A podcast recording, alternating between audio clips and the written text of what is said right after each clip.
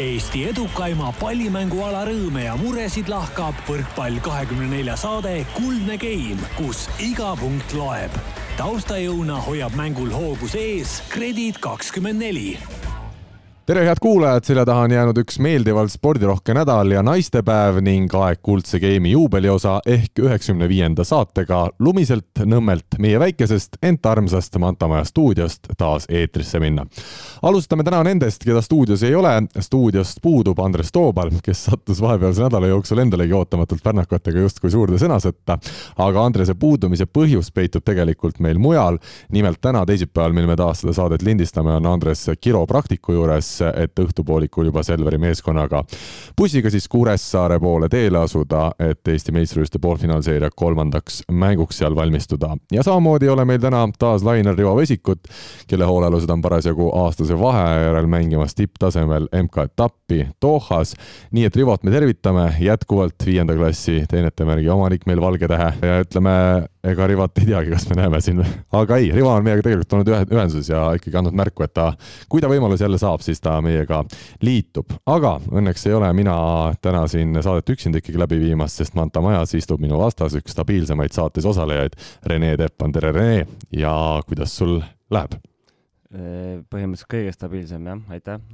mis siin ikka, töine ja, ja ütleme, selline tähtsam periood nagu, nagu kõik võrkpallisõbrad teavad, siis poolfinaalseeria on käsil ja ja ega üleüldse see tekkis niisugune, ütleme, mõnus pooleteistkuune või selline jah, poolteist kuud enam-vähem nagu tähtis periood, kus, kus tuleb olla mängijana ja võistkonnana igapäevaselt hea selles mõttes, et on küll ka väiksemaid puhkemomente võib-olla seal sees, aga, aga ütleme, see sõltub siis natukene mängu tulemustest ja, ja kui hästi sa oma tööd suudad teha, et et mina kindlasti naudin ja ootasin pikisilmi, et asjad jällegi läheks tähtsaks ja, ja nüüd on see, nüüd on see aeg käes ja, ja ja, ja loodetavasti saab seda asja nagu selles mõttes edasi ka teha, et teadupärast meil need piirangud jälle tulevad ja, ja ja jama on niigi siin, siin Eesti Vabariigis piisavalt, et aga, aga loodame, et seekord mingisugused asjad ikkagi jäävad avatuks, sealhulgas profisport. ma ütlen siinkohal ära ka, et ma olen meelega meie saates äh, vältinud seda koroona teemat, sest ma tean, et inimestel on niigi iga nurga taga sellest koroonast juttu, iga päev see ka elu mõjutab, nii et ma olen üritanud just nagu meelega hoida seda saadet nii, et me siin sellel väga ei peatu.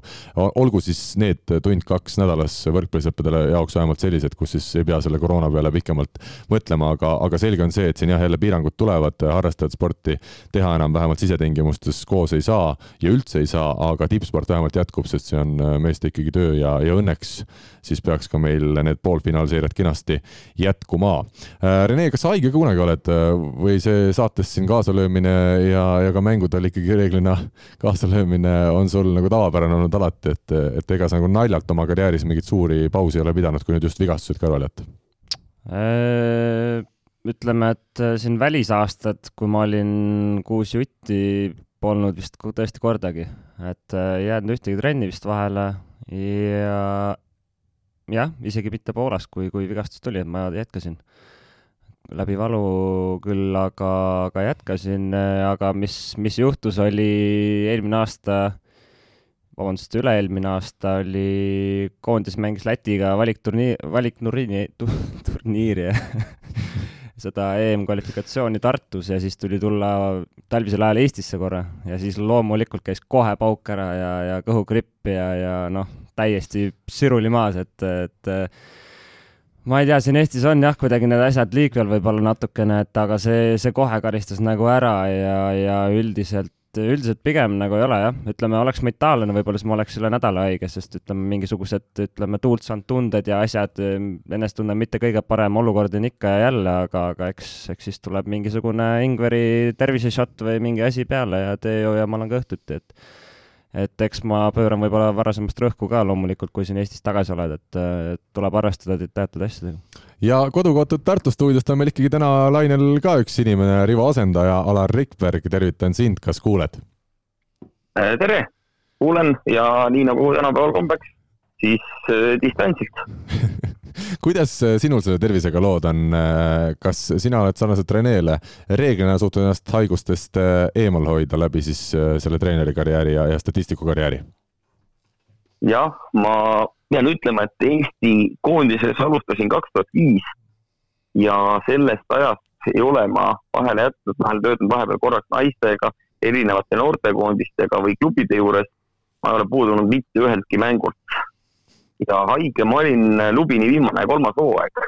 jäin kopsupõletikku, tugev eestlane nagu ikka, arsti juurde ei tahtnud, köhisin, väike palavik, jõin raviteed iga õhtu otsasin lusikatäie mett kõrvale.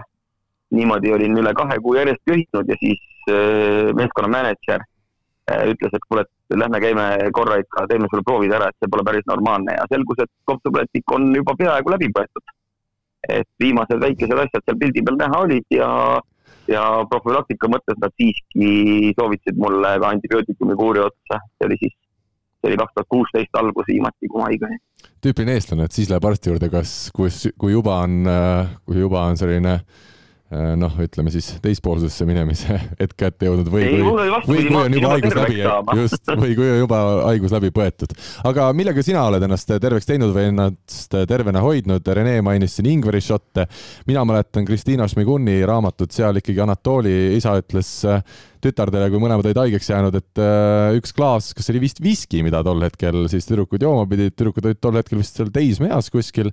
Kristiina selle võttis, Katrin Šmigun seda ei võtnud, Kristiina oli hommikul terve ja Katrin oli pikka aega haige. ma ei, nüüd ei tea, kas see viski just see aitas, aga, aga sedasi vähemalt oli raamatus kirjeldatud. kuidas sina, Alar, sellesse no suhtud? mina ei ole katsetanud ei viski ega pipra viinaga, mina olen sarnaselt Renele teeusku, mul on kodus päris korralik äh, raviteede kollektsioon, mis on ikkagi metsast ja põldudelt toodud äh, heade tuttavate abiga ja mõnikord isegi pärnaõisi noppimas ja niimoodi. et ma olen ka seda usku, et ravitee, mõnikord isegi sauna kõrvale, mõnus kuum tee, see on see, mis hoiab tervise korras. isegi sauna kõrvale, jah? ja et öö, üks mu sõber, kes tegeleb natuke saunakultuuri propageerimisega Haanja kandis, ütles kohe, et öö, eestlaste komme käia saunas ja juua külma õlut on väga vale. Nemad korraldavad saunaprotseduure, kus alkohol ongi keelatud, et pigem sellised soojemad joogid ja, ja soe või kuum tee sauna kõrvale on see, mis on tervisele hea, mitte et lähen sauna ja siis samal ajal tallan kõrist alla külma õllet. Aga siin muidugi ma arvan, meil päris paljud äh, meessoost võrkpallisõbrad praegu ütlevad, et oot-oot-oot-oot-oot, nüüd sooja teed hakkad sauna kõrvale jooma, et siis ei ole see saunakülastus päris see. nojah, aga seal on teine soovitus, mis tal oli, et ega sauna juures äh, õlu ei pea nüüd ära jätma, aga sel ajal, kui sa käid seal leiliruumis ja vahetult enne pärast seda, et siis ei ole mõtet. et hiljem võib teha sellise väikese istumise, kui saunatamised ära on tehtud. Selge, läheme oma sissejuhatusega edasi.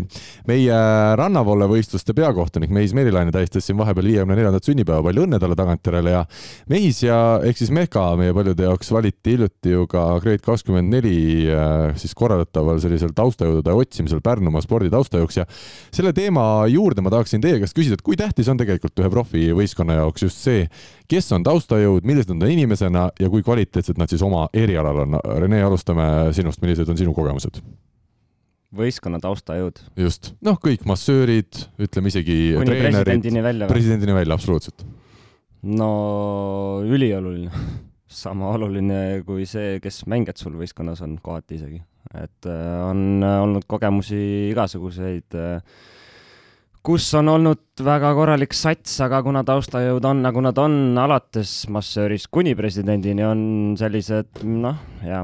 kas sa räägid inimlikust poolest praegu ei, ma räägin äh, oskuslikust poolest. sellest, mis on nende nii-öelda põhiülesanne, jah? jah, see, mis ne- peaks olema nende põhiülesanne, et äh, see näitas väga hästi ja ilmekalt ära ja näitab tänase päevani võistkond jäägu, jäägu siis minu teada väga raske seda ei ole ilmselt välja uurida, aga aga tänase päevani on jah, paraku olukord selline, kus äh, potentsiaali on nii, nii linna mõistes kui kõige mõistes, aga lihtsalt paraku lihtsalt äh, abi, abi nii-öelda jõud ongi, ongi ütleme välja kehvad, et äh, et ei, ei olda piisavalt pädevad oma töös seal on mingisugused inimlikud suhted on head, seal kelle, keegi on kellegi sõber ja nii edasi ja nii tagasi käib mingi niisugune, ma ei tea, mingi sõpruskonnas mingisuguse asja tegemine, aga noh, see ei ole nagu selles mõttes profisport, et äh, et selles mõttes kahju ja, ja, ja isegi kõrgel tasemel tegelikult on, on näiteid, kus äh, noh, lihtsalt ütleme näiteks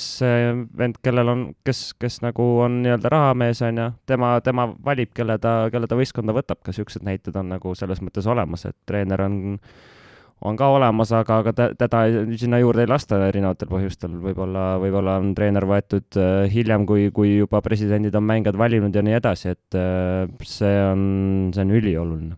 Alar, sama küsimus sulle, kui tähtis äh, on taustajõudude roll ja mida siis sina oma kogemuste puhul siin välja oskaksid tuua?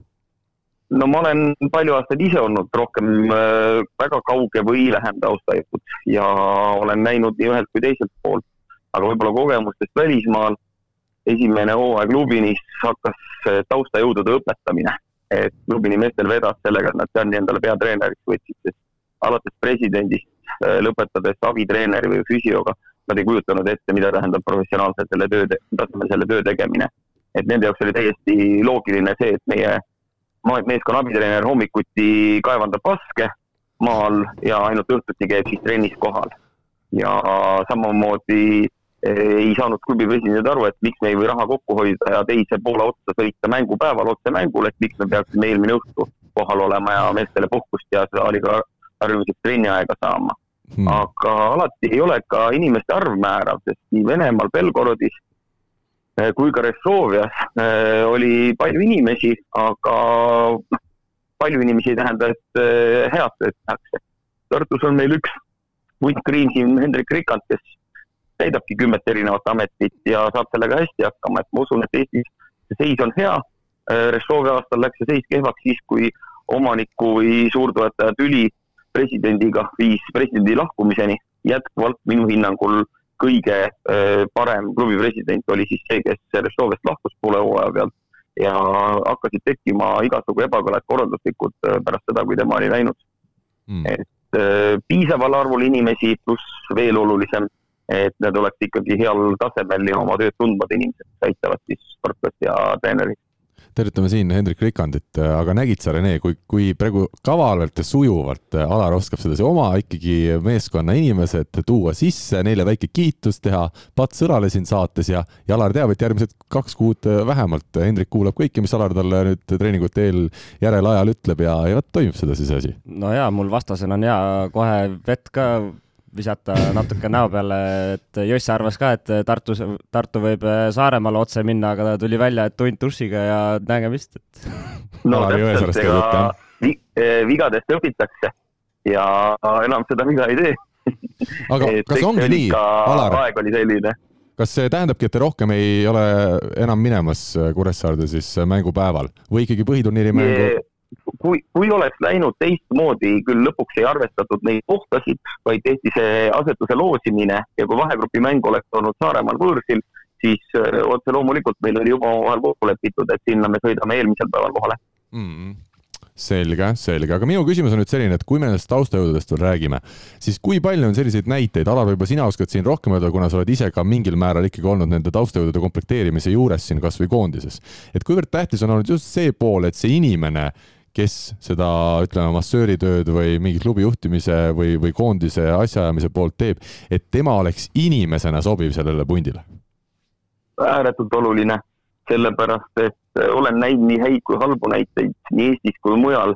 Äh, paned sa ühe sellise ussitaja meeskonda sisse, ükskõik mis rollis ta on. meil oli Poolas üks mees, kes lihtsalt käis trenni ajal ja rääkis teisi taga ja iga järgmise inimesega rääkis ta taga seda eelmist inimest, kellega ta just oli kedagi muud taga rääkinud.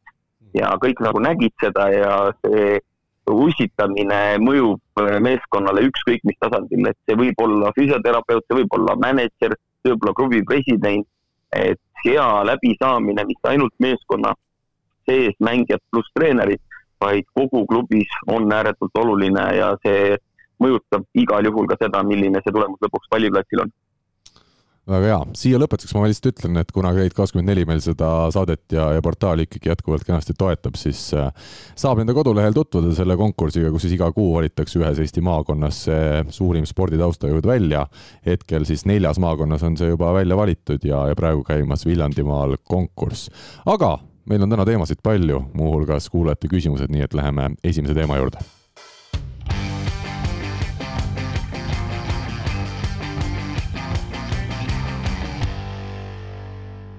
Grade24 Eesti meistrivõistlustel alustati eelmisel nädalal siis nende kõige tähtsamate mängudega ehk play-off'iga ja esimeses poolfinaalis Tallinna Selver juhib kolme võiduni peetavat seeriat Saaremaa vastu kaks-null, olles võitnud mõlemad mängud kolm-null. Rene on meil siin täna Selveri liikmena stuudios, aga ma alustan küsimustega Alari pommitamist hoopis. millised on sinu üldised tähelepanelik, tähelepanekud sellest äh, seeriast seni? Äh, ma olen täna hommikul juba andnud kahele ajakirjanikule, nii Postimehele kui siis ka Delfile või Eesti Päevalehele selleteemalise kommentaari ja mu uskumus on kindel, et ma ei näe mitte ühtegi võimalust, kuidas Saaremaa sellest praegust august välja suudaks ronida. mitte ühtegi, jah? Äh, Selveri ülekaal on ikkagi olnud mäekõrgune. kui Saaremaa paneb kaks käiku juurde, siis äh, viib ta asja tasavägiseks, aga mitte võiduni. et seal on vaja nii palju käike leida ja ma ei näe praegu, kust neid käike leitakse. lisaks sellele ka see, et äh, Selver on väga soos meil on tagasi detsembri mängutasemega Raadik Selveri seisukohast, pluss äh, kogu muu masinavärk töötab ja noh, ma ei julgeks skeemivõitugi ennustada, noh äkki läheb natuke tasavägisemaks, saarlased mängivad ka kodus, aga ära ütlemata raske saab neil olema midagigi sealt saada, et Selveril on see mängu voolavus ka nii mõnus praegu, et, äh, et isegi paar õnnestumist, selline mõnepunktiline edu mille Saaremaa võib võtta ühest game'ist, see on paari minutiga sulanud ja Selver jälle domineerib no vot, kui kindel arvamus siit, aga ma tõesti mõtlesin ka saateks valmistuses, et keda siis esile tõsta Selverist, kui nüüd kedagi nimeliselt tahta ikkagi välja tuua ja täpselt samamoodi Andrus Raadik äh, tuli ka minul ette, kolmekümne nelja aastane Raadik siis sekkus avamängus Kristo Kolla asemel vahetusest väljakule ja pole enam tagasi vaadanud, avamängus kogenud pärnakalt siis pooleteise game'iga kaheksa punkti pluss neli ja teises juba täismänguga üleplatsi mehena üheksateist punkti pluss viisteist ja rünnak seitsekümmend üks protsenti, et kas see on nüüd äh, kiitus siis Raadikule endale või siis ka peatreener Rainer Vassiljev Kiilevile, et anti siin jaanuarikuus päris tõsine puhkus Raadikule, nüüd ta on tagasi ja mängib jälle hästi. Rene, kuidas sina meeskonna seest vaadates seda näed mm,? no puhkus selles mõttes anti ikkagi meditsiinilise olukorra pärast natukene, et et see, see nagu selles mõttes ei olnud nii, et ta peale karikat viskas jalad seinale ja nüüd ta tuli tagasi, et eks tal on olnud jah, võib-olla siin raskemaid perioode ja asju, aga, aga noh, selles mõttes see on jällegi jah, Rainer Vassiljevile kiituse koht, kus ta suutis komplekteerida võistkonna, mis toimib ka ilma, ilma ühe lülita näiteks, kes, kes vahepeal võib-olla on mingisugustel põhjustel eemal, et äh, saime, ma arvan, enam-vähem okeilt selle perioodi mängitud ja, ja ega suures pildis tegelikult ju kolm tiitlit välja mängitakse ja ja, ja hetkel me oleme nagu mängus sees, et midagi, midagi ei ole ju katki ja kõik on okei okay,, et et, et jah, aga Ratsa on selles mõttes, ta on tagasi ja ta on vormis ja ta oli juba mõnda aega tagasi, et aga, aga lihtsalt Kollo mängis hästi ja ja, ja selles mõttes ta vääris väljakul olemist kindlasti ja, ja ega see ei tähenda, et nüüd äh, Ratsa tegi hea mängu, et, et Kollol nüüd on kriips peal hooaja lõpuni, seda kindlasti mitte, et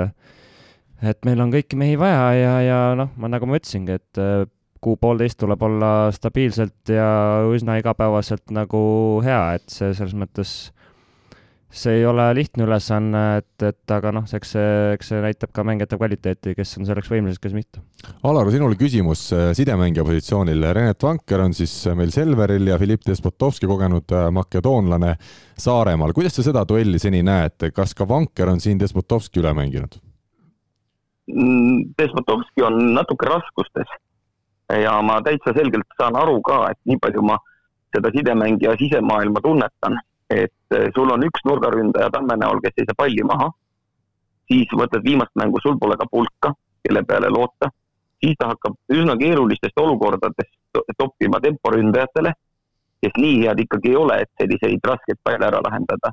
ja tekibki olukord, et noh, et kuhu ma siis vaatan või kellele ma siis annan, et Popart on hea kiire mänguga, eh, ja selliste kiirete tõstete lahendamisel, aga samamoodi hädas kõrgete pallidega, et kes on Saaremaal siis see, kes need kõrged pallid maha lööb. nüüd, kui pulk on tagasi, üks mees tekib juurde, aga rohkem seal praeguse seisuga väga ei olegi, et eh, ma saan aru, et Renetil on lihtsalt neid eh, valikuvõimalusi rohkem, tal on eh, kindlasti mehi, keda ta usaldas platsi peal rohkem ja selles suhtes äh, on tal lihtsam mängida. aga kui mina vaatan täna Renetit äh, nagu väljakul mitte ainult selle tõstete poole osas, kus ma kindlasti ei oska õiget hinnangut anda, siis äh, mis mulle jääb silma, on ikkagi see, et ta on vaikselt hakanud ka nagu mängumehe nägu võtma selles suhtes, et et ta ei näe enam poisike välja seal platsil, vaid natuke juba mehe moodi on, oled sa, Alar, ka sellega nõus või?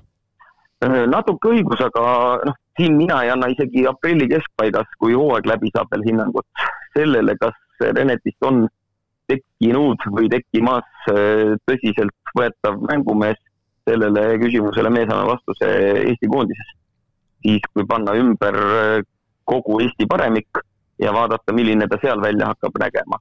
sest et äh, alustades eelmine aasta tehnikatrennidega, visates kordamööda siis Oliver Lüütsepaga sidemängijatele palle ette, äh, tehes selliseid puhtaid rõngasse söötmisi ja liikumisi, nägi Renet välja väga-väga hea mm.. ja nii kui pandi kuuikud ja pidi hakkama mängu juhtima, nii tuli väga selge klassivahe välja Gert Loobaliga. Ja tegelikult ikkagi klassivahe tuli nii Viiberi kui ka Keelega võrreldes välja aga nüüd siis äh, eriti huvitav äh, nüanss selles poolfinaalseerias, Indrek Pulk, keda me siin hindasime poolfinaalseeria ees, eel ikkagi väga kõvaks mängumeheks. teisest mängust, mis siis pühapäeval Tallinnas peeti, jäi ta sootuks eemale ja tuletame siis meelde ka kuulajatele, milles küsimus oli. klubi otsustas, et kõik mängijad peavad pühapäevase mängu eel Tallinnas hotellis ööbima, aga Pulk läks koju pere juurde ja hommikusest treeningust saadeti ta siis ära ja õhtul teda mängul ei olnud.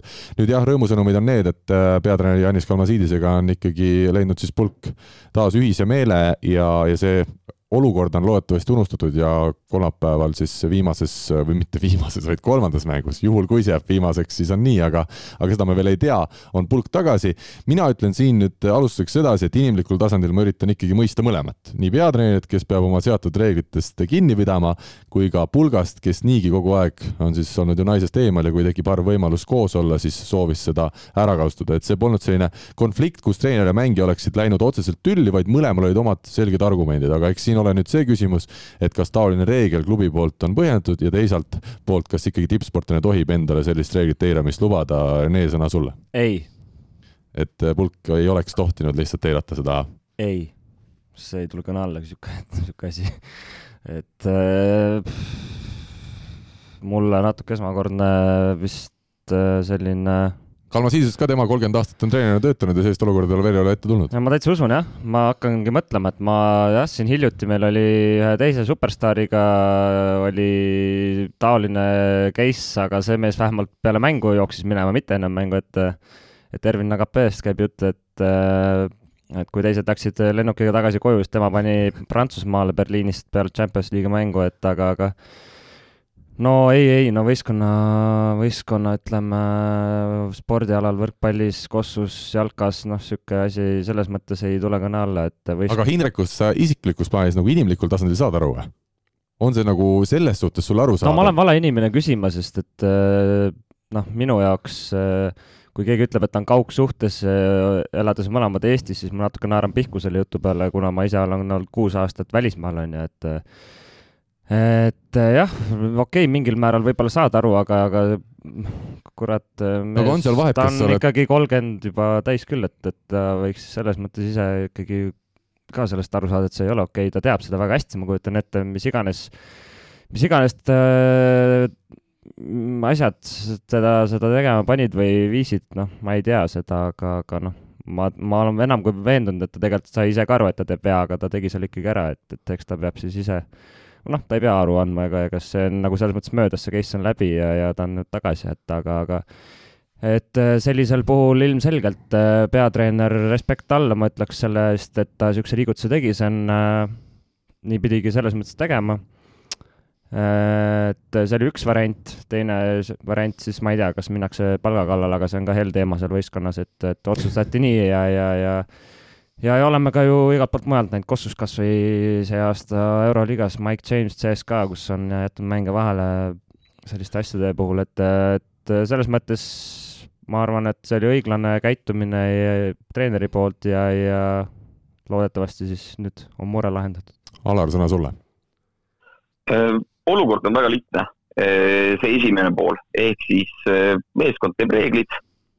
kuigi me lubasime, et me seda sõna ei kasuta, siis minu kolleegile Märt Roosale ka ma ütlesin edasi täna hommikul, et palun tehku oma, oma kolleegile peapesu.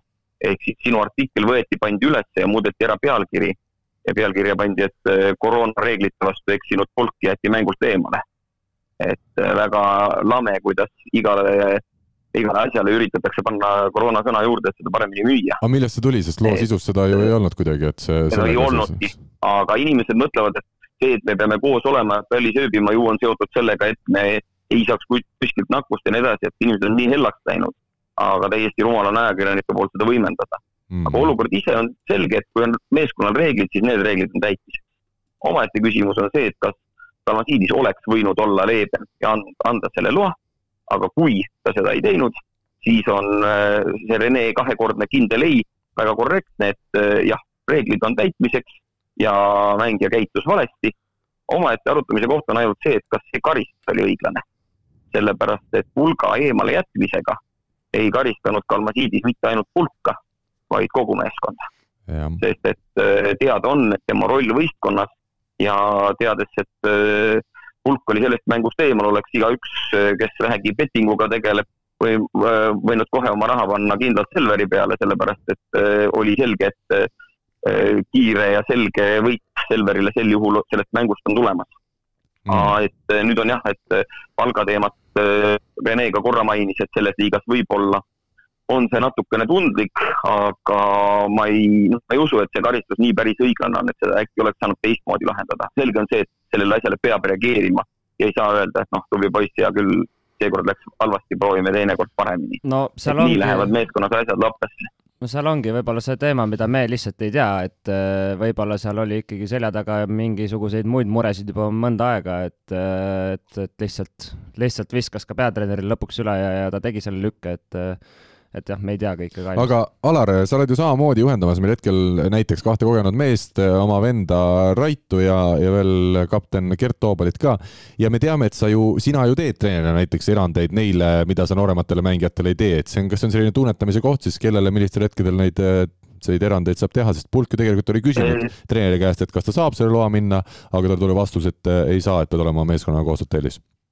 vot nüüd on olukord selles, et inimesed on erinevad ja olukorrad mina näiteks, meil olime siin hooajalisetel kontrollturniiridel, eh, mitte ainult need vanemad mehed, vaid hoopis teised mehed palusid luba, et kas nad võivad ööbida kodus ja mitte hotellis ja tulla mängudele. mina selle loa andsin. ma olen korduvalt andnud meestele ka sellist luba, et kui me kuhugi sõidame, et eh, kas nad saavad eelmine päev kohale minna. Ronald Järv mõnikord töö pärast peab Tallinnasse minema, teeb päeval tööd, tuleb õhtul mängule.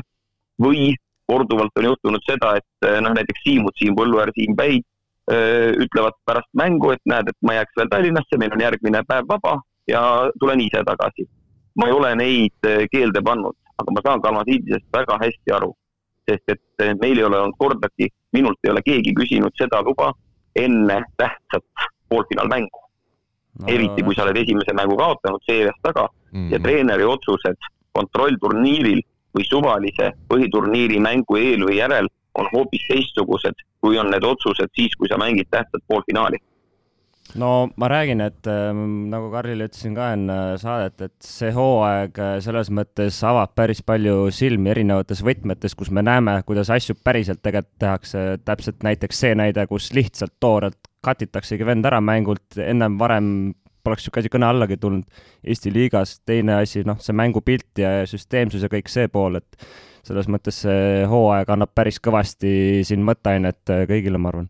ma ütlen veel lõpetuseks nii palju, et äh, tegin siin ka Kalmasiidisega vahetult enne siis äh, poolfinaalseeria algust Kuressaares intervjuu ja ma lihtsalt ei ole jõudnud seda intervjuud, see on väga pikk intervjuu, ma ei ole jõudnud seda veel üles panna, kuna see võtab nii palju toimetamist aega, siin on tulnud nii palju erinevate linnade vahel sõita vahepeal.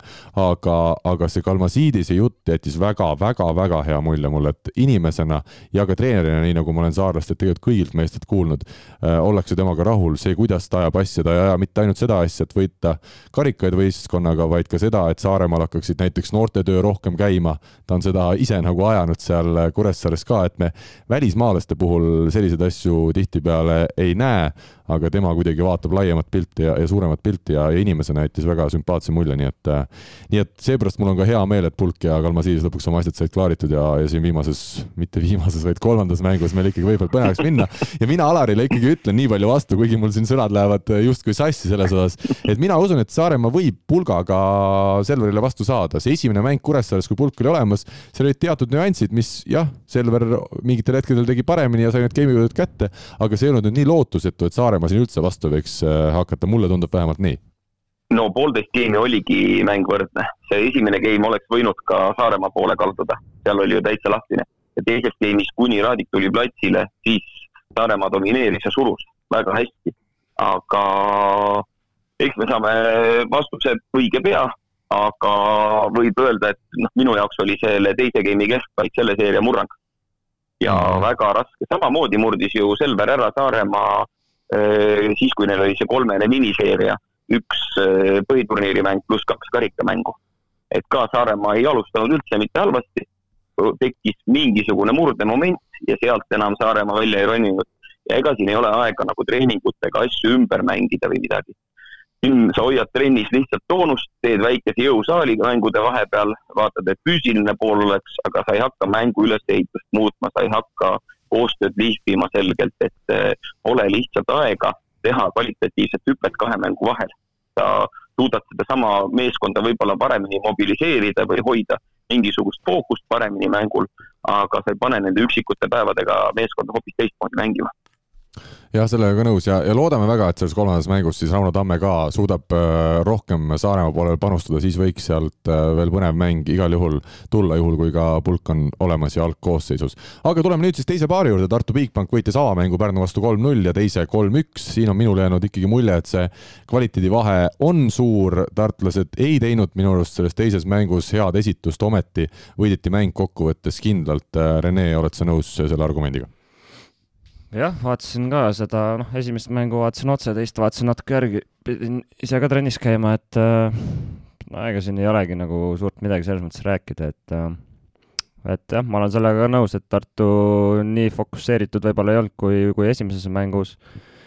aga noh, kogu aeg oli see kuklas teadmine ja noh, õiglane teadmine, et nad nagunii võidavad, et et nii ka jälle läks, et äh, ütleme, see esimese mängu ikkagi häving äh, Pärnu poolt, see jah, jättis järjekordse nagu pitsri sinna, sinna kupli alla meestele ilmselgelt, et äh, mis siin nagu selles mõttes öelda, et äh, Pärnul lihtsalt ei ole levelit hetkel piisavalt palju, ma ütleks. Jah, sellest stabiilsusest jälle minu arust levelit, me räägime levelist mm -hmm. kui me räägime, et jah, Marti võib-olla oli kohati nii ja naa eile ka, siis tegelikult sa näed ka ründajate ründajad, ütleme, ma ei tea, minu arust noh, ma saan aru, kui Taavet ei suuda kõrget palli ära lüüa, võib-olla ta ei ole nii võimas, aga samas, samas ta, ta oskab või noh, on osanud siiamaani minu arust nikerdada neid keerulisemaid palle vähemal või rohkemal määral, siis, siis ütleme, eilsed liigutused, kus, kus pall oli tõesti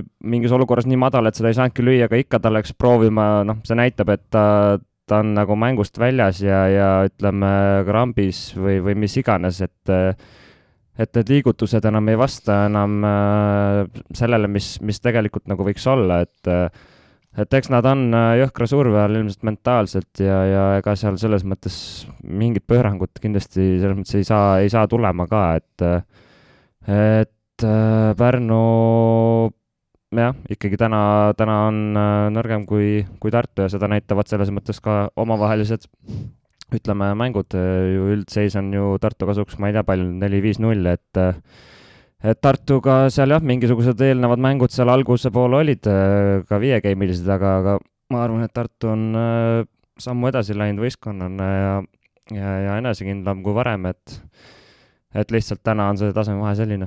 Martti Keel ütles pärast seda teist mängu, et äh, eelkõige on rünnakuga probleemi. oskad sina nüüd selgitada, mis, mis seal siis äh, valesti on, kas ründajad ei oska tulla neid Marti tõsteid lööma, ei ole nad lihtsalt nii kvaliteetsed, et üldse hästi rünnata või see Marti tõste neile ei klapi?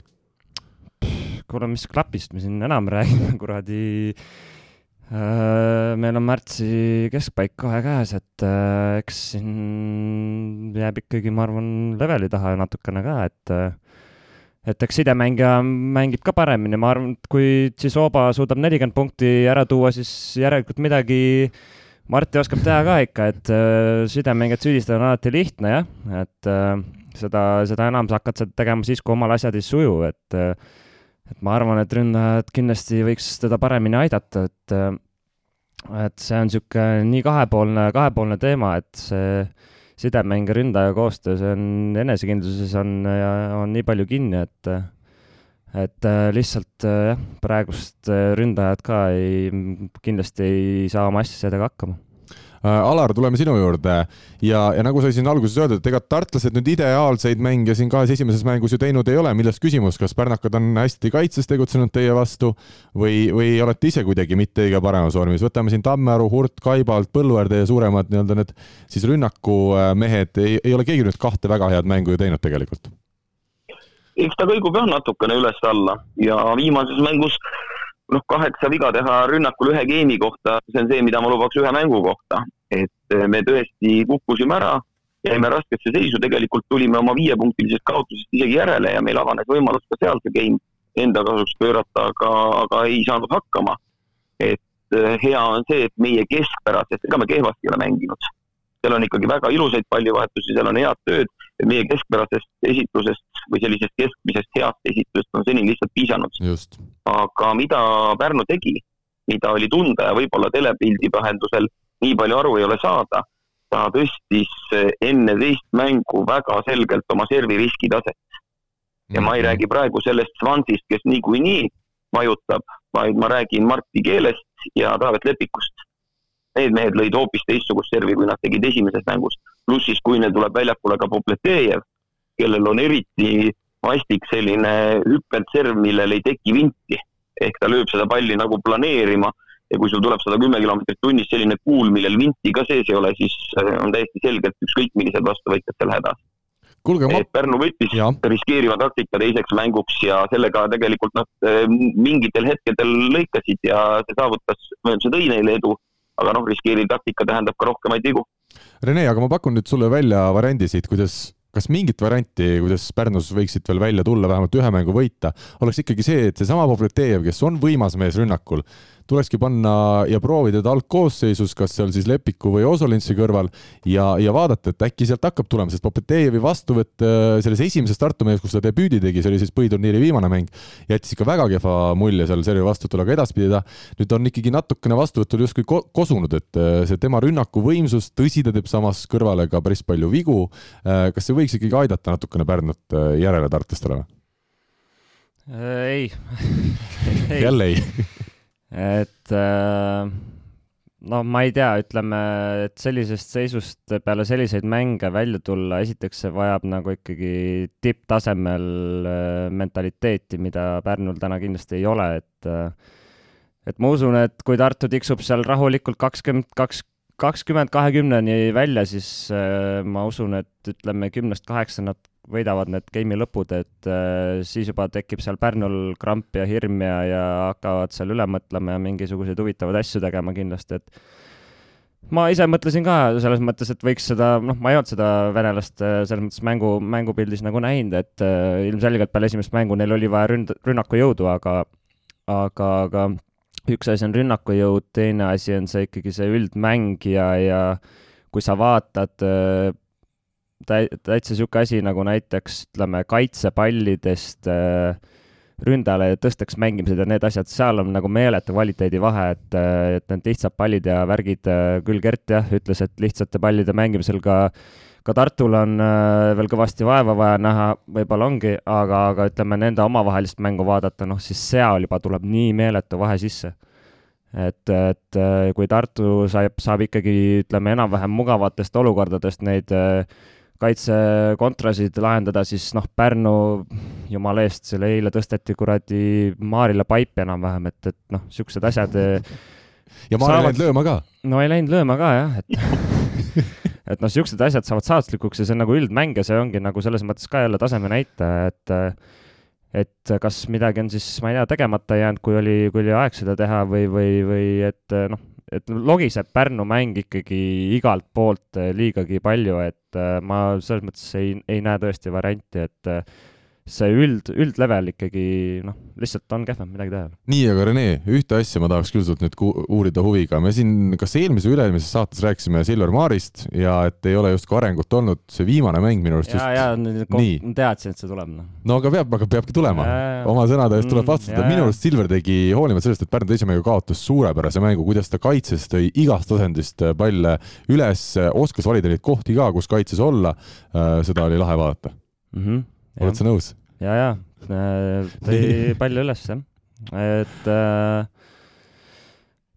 mis, mis ma oskan öelda, tahtmata üldse mm, nagu selles mõttes vett peale tõmmata, aga, aga noh, stabiilsus on taseme näitaja ja mm, noh, teadlikumad mehed ei hüppa rõõmust lakke, kui keegi teeb ühe hea mängu, et äh, et äh, üks kehva mäng, üks hea mäng äh, ja siis vaatame, võtame niisuguse miniseeria, vaatame, kuidas järgmine mäng välja tuleb, et, et äh, jah, keegi selles mõttes ei olegi üllatunud, et äh, kindlasti tal teatud määral Eesti mõistes vähemalt on see tase olemas, kus teha see hea mäng ka, et aga, aga ikkagi noh, libero on niisugune positsioon nagu sidemängija, kus sa ei saa ikkagi nagu üles-alla väga käia, et siis on pudru ja kapsad majas, et äh, et äh, mina jah, kindlasti veel kord rõõmust lakki hüppaks, tegi hea mängu, selles mõttes tubli, aga, aga ma ütleks, et nii võikski olla äh,. Alar, sulle ka sellesama Maari küsimuse kohta veel sõna? no mina vastan sama, nagu ma vankri küsimusega vastasin. et äh, seda meest ja selle mehe arengut ja liigutusi noh, praegu natukene huvitavad, mis ta teeb teisel pool väljakut, aga mind nii palju ei huvita mind hakkavad huvitama rohkem Silveri liigutused alates kolmandast maist, siis kui Eesti koondises on vaja hakata tegusid tegema. Mm.. ja seal on natukene teistsugune rünnak, seal on kindlasti teistsugune ploki kvaliteet ja distsipliin ja seal on vaja hakata süsteemset võrkpalli mängima. ja uuel peatreeneril on ka liberole antud teatud selged lisaülesanded, mida ja kuidas ta peab juhtima, olgu see kaitsemäng, olgu see otsuste vastuvõtmine, olgu see julgestuse korraldamine, et need asjad äh, ja noh, juhtida veel Eesti koondist, äh, ükskõik siis noh, kas trennis või mängus või kuhu ta lõpuks välja jõuab see on nüüd see, mida, mida mina hoopis põnevusega ootan. kuule, aga Alar, kas sa sellega oled ka nõus, et Pärnul ongi seal plokis ja kaitses on nii palju rohkem neid äh, vigu tuleb sisse, et Silver peabki mängima rohkem sellist nii-öelda freestyle mängu, nagu meil mingitest aastatest mingite treeneritega seoses on see sõna kasutusele võetud, et äh, ta ei saagi seal mängida seda süsteemi, sest kui mingites võistkondades on võib-olla väga hästi ploki kaitse see formatsioon iga mängija vastu üles töötatud ja see toimib, siis Pärnul see ei toimi nii hästi, kuna nagu me enne rääkisime, mängijad ei suuda nii kvaliteetselt esineda ja siis Maar peabki seal jooksma erinevate kohtade vahelt ja hoopis tunnetama, kuhu see pall võib lennata? no vot selliseid järeldusi kindlasti ei saa teha eilse mängu põhjal, sest mm. eile oli nagu déjà vu mitukümmend korda, kuidas plokk sai näpud vahele ja kaitses eelkõige jäid silma siis Lepik ja Silvermaa, kahekesi tõid palli ülesse. et äh, meie rünnakuprotsent oli ikkagi kehva mm. ja nad said kaitses näppe, hoidsid paremini, plokis näppe, hoidsid paremini kaitsekohtasid ja tõid need pallid üles ja ei olnud lihtne punkti saada. ja see, mis Rene välja tõi, see võis hoopis saatuslikuks saada. et eh, see, kui sul see kaitsepuude oli olemas, milline oli järgmine puude raskes seisus. tihtipeale tuli kahe käega sööt kolmanda puutena üle löögi asemel mm. -hmm. see tegi meie elu lihtsamaks. et äh, Pärnu vastu ei ole kunagi lihtne olnud rünnata. ükskõik millises faasis, kõik need mängud ei ole mäng nagu sa lähed ja lööd kuuskümmend protsenti, sest lihtsalt mehed võitlevad kaitses nii palju, mitte ainult Silver, vaid kõik teised, et see pall ei jää maha. selleks peab tegema äh, häid ja liigutusi ja selleks peab iga pallivahetusel lööma mitu korda, et see pall punktiks saada. jah, ja selles mõttes ka, et ega võrkpallisõpradele võib-olla ka, et keegi selles mõttes ei kritiseeri Silverit, sest ta, ma ei tea, ta on paha poiss või, või ei meeldi, et tegemist, äh, oleme ausad, peab olema põhimõtteliselt hetkeseisuga mehega, kes, kes on Eesti koondise järgmine põhilibero ja, ja selles mõttes kriitikat äh, tulebki ka vastavalt teha ootustele, et et äh, me kõik ju selles mõttes tahame, et tast saaks kõva mängumees, et, et kellelgi midagi selles mõttes halba kindlasti otseselt isiklikult ei ole, et, et aga lihtsalt tal, tal on ka aeg astuda meestemaailma nii-öelda nii, aga Alar, küsimus sulle, meil on siis poolfinaalseeriates siin äh, mikrofonid treenerite koha peal time-out'ide ajal. ütle päris ausalt, äh, kui palju see on sind mõjutanud, kui üldse, kas sina ütled oma asju ikka nii, nagu sa ütled, äh, sa ei pane tähelegi, et see mikrofon seal on või kuskil alateadvuses see, see tiksub sul?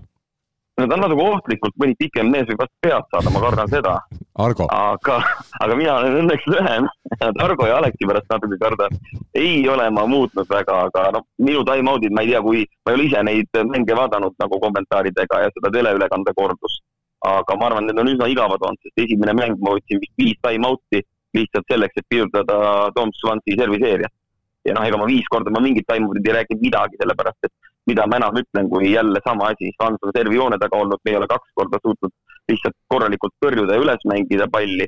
ja noh, olukord on igav, igav ka selle poole pealt, et mehed juba teavad isegi, ma võtan selle lihtsalt sellepärast, et seda rütmi lõhkuda, mitte sellepärast, et midagi neile öelda vaata, sina võib-olla oled nii asjas sees ka, et sa tead niikuinii, mida treenerid, millised treenerid mida umbes räägivad, aga minu kui ikkagi kõrvalvaataja jaoks, kes ei ole kunagi üheski sellises klubis vähemalt ise sees olnud, on meeletult palju lisanud seda, sellele ülekandele nagu sellist huvi, huvitatavust juurde, et äh, kunagi ei tea, mida treener äh, ütlema hakkab, sinu jaoks võib-olla see on lihtne asi, mis sa seal räägid, on nii loomulik, aga meie, kes me võrkpallisõbrad ei, ei ole neid varasemalt näinud ega kuulnud, on küll alati huvitav äh, kuulata, et mida seekord siis treener räägib ja, ja vahel, kui ka seal treenerid ütlevad midagi järgmise pallivahetuse kohta, kuidas keegi plokis jätab hoopis põllu ääre seal katmata, oli meil eilses mängus näiteks, kui pärnakad tegid sellise otsuse ja, ja neid oli nagu huvitav siis kohe vaadata, et kuidas see väljakul kõik rakendub. Rene, kuidas sulle tundub, sa oled vist välismaal ka igasuguste mikrofonide ees mängu all olnud?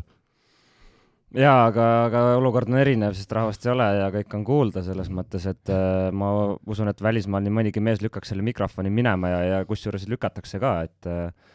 Gianni on ka vist kunagi lükanud no,. Gianni oli sellise loogikaga, et meil oli kokkulepe, äh, kuna ta teadis, et ka mängu ajal äh, osad Poola klubid näiteks vaatavad ülekannet ja see info, mida sa räägid time-out'i ajal, võib jõuda kohe vastaseni mm. -hmm. siis äh, meil oli kokkulepe, üks variant, noh, ta on mitu korda vihaselt äh, lihtsalt minema selle mehe lükanud, nagu päris füüsiliselt, aga üldiselt äh, selline leebem variant, kuna seda nõutakse ja seda ikkagi topitakse kuidagi, seda mikrofoni sinna, siis järgmine kokkulepe, mis meil Rešovi ajal oli, mehed tõmbasid niimoodi ringkaitsesse, et keegi ei pääsekski ligi. me olime ühes ringis ja tema ei lasknud tõesti mikrofoni ligi olgugi, et see oli, noh, see ei ole peale sunnitud, ei ole nagu reegel, et ma nüüd eh, pean seda ja me tekitasimegi selle kaitsva ringi, et eh, ei kuuldud seda, mida räägiti. Aga sa oled nõus sellega, et see lisab meeldib. juurde kõvasti, minu, see oli nagu minu tingimus, et me üritasime saada selle poolfinaalseeriateks, et see teles oleks, siis minu arust see muudab nii palju nagu seda siseasja huvitavamaks selle vaataja jaoks, kuna niigi publikut tribüünid ei ole, see mäng võib jätta natuke sellise tuima mulje, siis vähemalt need treenerid seal vaheajal räägivad midagi, see nagu teeb asja nii palju lahedamaks minu arust ma olen täiesti nõus, praeguses olukorras, eriti kui pealtvaatajaid pole saalis, me peame panustama sellele, et saada vaatajaid telerite taha või siis arvutiekraanide taha. ja seesama üks lüke on väga palju inimesi, noh, sealhulgas ka võrkpalliinimesed, kellel on huvitav kuulata teised treeneridki ise mm -hmm. on juba mingisuguseid selliseid kõnesid ka mulle teinud ja rääkinud ja küsinud ja, ja see teeb huvitavamaks, noh nüüd järgmine asi, Karl, sulle, et äkki finaalseeriaks suudad veel lisaks ka väikese stuudio juurde hankida.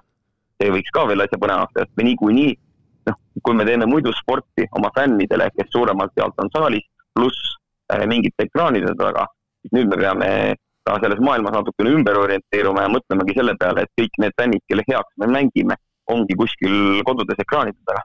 no pressure, noh. selles mõttes nüüd sai välja hõigatud ja mina olen täiesti olla. sellega nõus, aga minu küsimus on Alarile, me siin võime täitsa saates seda arutada. sina, me küsime sinult, kas on olemas või ei ole olemas. mina ütlen, ma teen ära, kui Alar ütleb mulle, kes võiks olla see hea stuudioanalüütik, kes mul tõesti näeb mängu väga detailselt, on kõigi mängijatega super hästi kursis, tuleb mul äh, nii Tartusse kui ka Tallinnasse kõikideks mängijateks kohale ja, ja tõesti näitab seal. ma olen nõus, et Kristjan Kais meil vist Tartus võiks olla. ongi see analüütik sul Kristjan Kais, kui meie finaali saame mm -hmm. ja kui Selver saab finaali siis Tallinnas on see analüütik Andrei Jõemäe okei okay., ja võtta siis seal äh, see tahvel ette või kuidas sa näeksid seda, milline see võiks olla?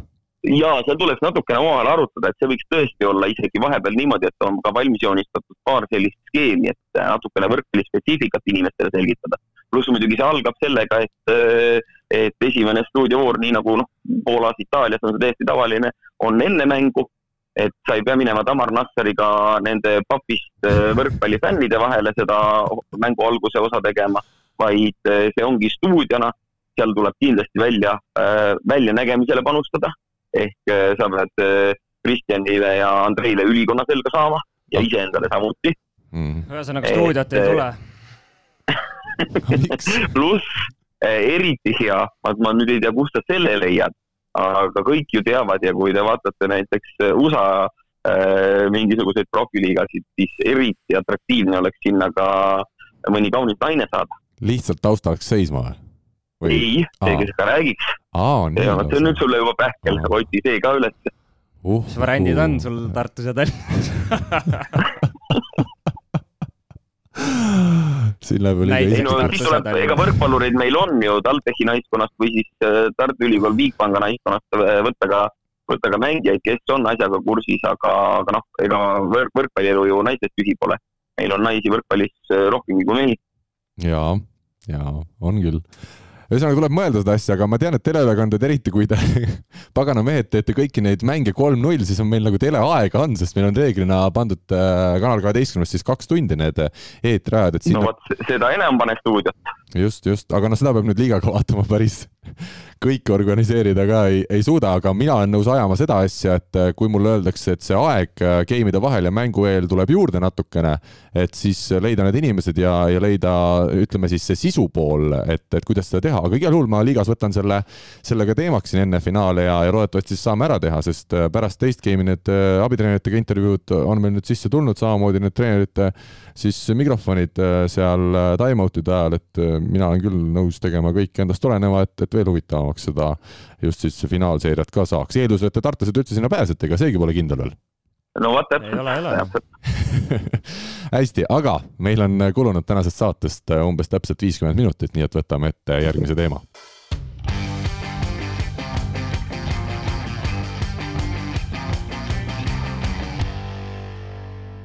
Neli sport ja kuulajate küsimused, kui ma, mõned panevad tänapäeval dopingut, et sooritus paraneks, siis mina loen kuulajate spetsiifilisi küsimusi ja kohe tekib alati jälle hea enesetunne. esimene küsimus, võtame kohe ette, Martin küsib meilt. üks kogenud Eesti võrkpallitreener, kes juhendab hetkel SEB siis töötajate treeningrühma võrkpallis, soovitas, et harrastajana pole tarvis jõusaalis käia ja tema küsimus nüüd Martinile on siis järgmine, kas harrastaja peaks pigem neli korda nädalas võrkpalli mängima või tegema kaks jõusaali ja kaks võrkpallitrenni näiteks, kumba teie soovitaksite? no siin on suur vahe juba selles, millisel tasemel on see harrastussportlane, kas ta käibki sedasi väga mõnusalt jalad maas palli toksimas või ta ikkagi tahab paremaks saada ja mängida kuskil esiliigas, et seal vist algab kõik sellest, aga, aga Alar, kuidas sulle treenerina tundub? No ma olen natukene ka harrastajana mänginud ja minu lähenemine oli ka see, et ma valisingi võrkpalli selleks, et mängida võrkpalli, mitte selleks, et nagu sina rassida jõusaalis ja siis loota, et hea füüsilise pealt, äh, füüsilise pealt tuleb palju oskusi juurde. no kui osavust ei ole, siis tuleb tule. ju, kui osavust ei ole, tuleb ju jõusaalis käia ja vähemalt füüsiliselt saada paremaks. jõuga, aga enamasti lõpuks harrastajate tasemel juhtub ikka nii, nii, et võidavad osavad ja need, kes on jõu peal väljas, need äh, pigem lahkuvad platsid kaotajana. ära kustuta kõiki minu unistusi, Alar. jäta mõni mulle alles. aga minu soovitus on hoopis see, et, et tervis püsiks. selge on see, et noh, minna ja kohe tühjalt võrgult EÜ-ga taguma hakata ei ole mõistlik. et äh, võib keskenduda jah, tõesti võrkpallile, aga see eeldab korralikku soojendusrutiini ja tenni lõpetusrutiini. et äh, sõltuvalt äh, tervislikust seisust, et püsiks terve ja suudaks mängida, on vaja tegeleda sellega, et trenn ei hakka sellega, et kohe pallid kätte paari peale ja võrgu peale. et seal peab olema selline hea alguse ja lõpurutiin millega keha püsiks ka konditsioonis, et saaks harrastajana mängida no minu jaoks on ikkagi lihtsalt äärmiselt oluline see, et kui vähemalt üks kord nädalas ikkagi tuleks jõusaali teha, kui vähegi tõsisemalt seda võrkpalli tahta mängida, kas või harrastajana, et et mingid lihtsad asjad, kükid, rinnalevõtud, kerelihased näiteks, neid ju tuleb teha ikkagi, kui rinnalevõtt sinu jaoks on lihtne. nii, aa, et tavainimene ei oska rinnale võtta, jah mm? -hmm. ei noh, seal on, seal on see asi, et seesama, mida sa räägid, need kerelihased ma ei tea, teed sa kätekõverdusi või planku või, või mõned kõhulihase harjutused või mingid muud asjad, see ongi see, mida ma pidasin selle trenni alustamise rutiini all silmas. selleks ei pea eraldi jõusaali minema mm. -hmm, Needsamad asjad saab teha ära harrastussportlane eriti oma keha raskusega, võib-olla ongi siis varustusse hoopis vaja kummilindid ja matid, et oleks mõnus teha. aga selleks ei pea minema jõusaali ja selleks ei pea hakkama kangi peale kettaid lasema selge, aga läheme edasi, kuna meil küsimusi on tõesti taaskord palju ja, ja kõik küsimused on head. Karl-Erik küsib meil äh, Pärnumaalt, miks Kanada koondislane Evans Perugias põllule ei pääse ja hollandlasest äh, siis äh, mängumeister Horsti diagonaali kohale topitakse, see on Renele selline spetsiifiline küsimus, aga kuna meil on täna ka Alar liinil, siis te võite mõlemad vastata, aga Rene, on sul siin vastus teada või? no ma arvan, et suht selles mõttes lihtne värk, et eks ta on niisugune üsna üles-alla mänge, et äh, ta võeti, ta võeti Ravenna, ütleme, näiliselt hea hooaja pealt, aga Ravennas kogu aeg platsil olla ja mängida ilma pingeta ja nii edasi on äh, kordades, kordades, kordades, kordades lihtsam kui, kui olla tippklubis äh, olla nii-öelda positsioonis, kus isegi hea trenn ei pruugi sind väljakule viia, kõik see stress ja see lisavärk, mis sellega kaasneb, et et ma arvan, et ta lihtsalt kõnges ära sinna Perugiasse, võib-olla nüüd äh, on natukene kosunud, aga lihtsalt me ei näe seda, sest ta ei saa enam peale, et äh, ega tippklubis tulemus maksab ja, ja seal ongi selles mõttes elu on karm, noh, lihtsalt äh, testiti mingit venda, kes on, kes on kogenum, kes, kes ei löö võib-olla nii palju verest välja, noh, Ter Horst selles mõttes ei ole võib-olla maailma äh, kõige talendikam, ütleme, tehniline, ütleme, võrkpallur, aga, aga saab oma asjadega enam-vähem hakkama, et see, et see mängupilt on enam-vähem okei okay olnud, kui ta on seal platsi peal olnud, küll viimasel ajal jah, on ka temast reikinud siin natukene, aga, aga aga, aga ütleme, mängu jah, ütleme see kogemus ja, ja ütleme, see mängurütm, ma arvan, lihtsalt, lihtsalt niisugused, niisugused nüansid panevadki paika lõpuks. Alar, lühidalt, kas sa soovid siin midagi ka täiendada? Jah, ega see Perugia on päris põneva komplekteerituse teinud, et sul on ebastabiilne Vernon Evans, kes ei pääsegi sellises klubis põllule, võib-olla ainult nõrgemate vastuste vastu, siis sa lükkad nurgaründaja Der Horsti, kes viimasel ajal on tegelikult üsna, noh, mitte üsna, vaid väga kahvatu olnud. et mina näen küll, et kui Hainenil vähegi mõistus peas on, siis auku vajunud poole miljonilist Atanasjevitšit ta ka väljakule ei pane ehk siis äh, selle diagonaalründaja koha võtab hoopis üles, äh, üle poolakas Matšei Muusai, kes Venemaalt toodi.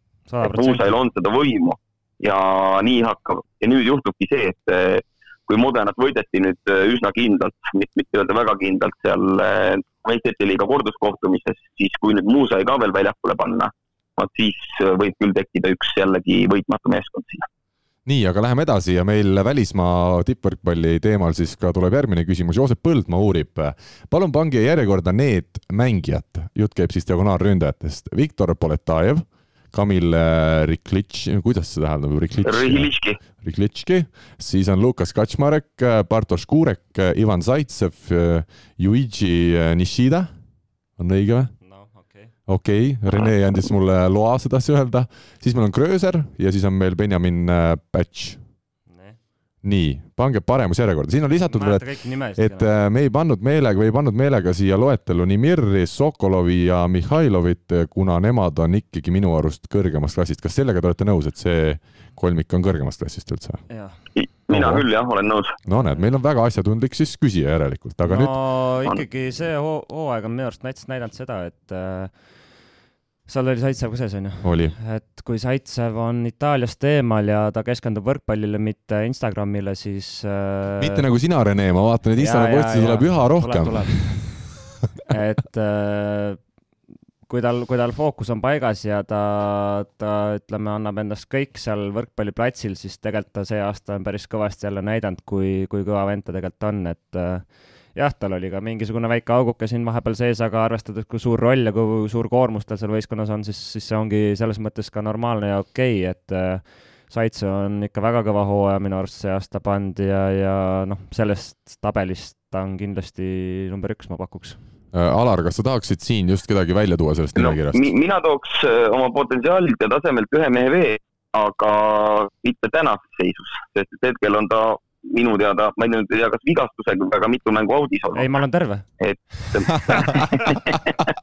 sind ei pandud kahjuks nimekirjagi, aga nimekirjast, eh, kes minu jaoks, noh, ta on mu üks mu lemmikuid juba mõnda aega olnud ja ta on häid mänge teinud, on siis Viktor Poletajev.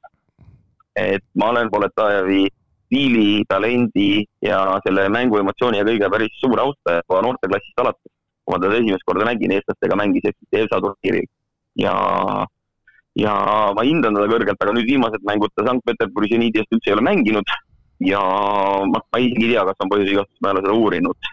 aga seal on noh, nimesid nagu Patch, ülimalt ebastabiilne, Nishida, kes mingi tasemeni võib mängida, aga kindlasti ei ole äh, Saitsevi klassis. mul mõned. no Krööser ei ole vist enam, jah. Katsmarek on nüüd äh, ülimalt stabiilne mees, kui teistega võrrelda. see on see mees, kes tegelikult teeb oma ära. Äh, ta leidis väga õige klubi, kus tal ongi selline roll, et ta ei pea taguma kolmkümmend punkti mäng, vaid ta peab tegema oma ära, ta peab hoidma servi, rakib niikuinii nagu hull kaitses, ta on päris hea plokis, et ta on kindlasti kõige mitmekülgsem ja kõige parema platsimäng, mänguga neist. aga noh, Krööser on ka juba selgelt ikkagi kustuv täht ja tervisehädad, mis teda on saatnud, saadavad ka praeguseni ja pigem ütleks tema kohta, et parim enne möödas, et noh, keegi ei hakka järjekorda panema, aga mina paneks esimeseks võib-olla hetkel Saitsevi ja teiseks Poletajevi. ja kolmas siis Kaczmarek või? Kaczmarek siis, jah. lepime nii või mm? -hmm jah äh,, ega Poletajev, Poletajev ja, ja ütleme noh, Krööser nagu selles mõttes nad on küll erinevas staadiumis ja, ja nii edasi, nii tagasi, aga, aga ikkagi jälle, miks nagu Saitsev natukene on eelisseisus, ongi täpselt see, et M-kumb jätab seal nii Gröser kui Poletajev pool hooaega vahele jälle, et see selles mõttes noh, suures plaanis, kui kasulik ta nagu on, et äh, võistkond peab kogu aeg arvestama, et see mees on jälle kuu-kaks vigane ja, ja Saitsev selles mõttes on, on päris, päris hästi nagu püsinud ja eks tal on see Füska ka ikka päris tummine, noh. kuule, aga ikkagi Kuurek, äh, poolakad maailmameistriks ah, Kuurek oli ka ju. tema ei pääse no vot, see on, see on nüüd see mees, kes on natuke pildilt eemal. et kui sa oled ikkagi nii ära ja ei ole suures mängus, siis Kuurekit äh, võib-olla tõstame ta hoopiski esimeseks, aga seda näitab meile seda, et kui hakkab Poola koondis mängima mm.. et äh, kahjuks ei ole, noh, võtad mingisugune diagonaal Mušerski näiteks, mängibki diagonaalina, tuleb koondisse, mängib tempona, muidu on kuskil kaug-, meie jaoks kaugel Aasias, ta ei näe ega kuule sellest nii palju ja sa ei oska ka seda võrdlusesse panna, et Kuurek on natuke samasuguses seisus minu jaoks hetkel, et ma ei kujuta ette, mis vorm tal on. Poolas olles oli tal häid aegu, oli tal kehvemaid aegu oli ta isegi Belhatovis üks hooaeg nurgaründajana tegutsev.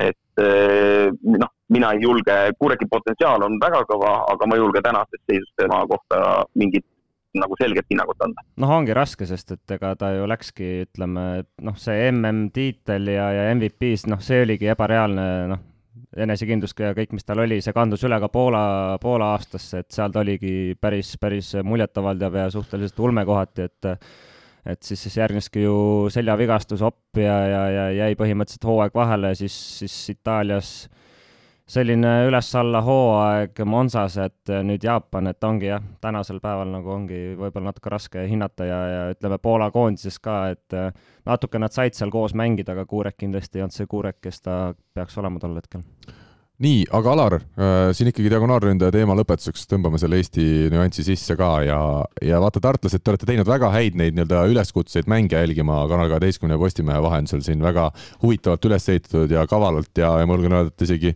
teistest klubidest äh, reeglina paremini, aga see naistepäeva siis õnnitlus või soovitus, no see läks teil küll aia taha, kui sa vaatad, mida ikkagi, millise pildiga Selver tuli välja sotsiaalmeedias, kas Alar nägid seda pilti?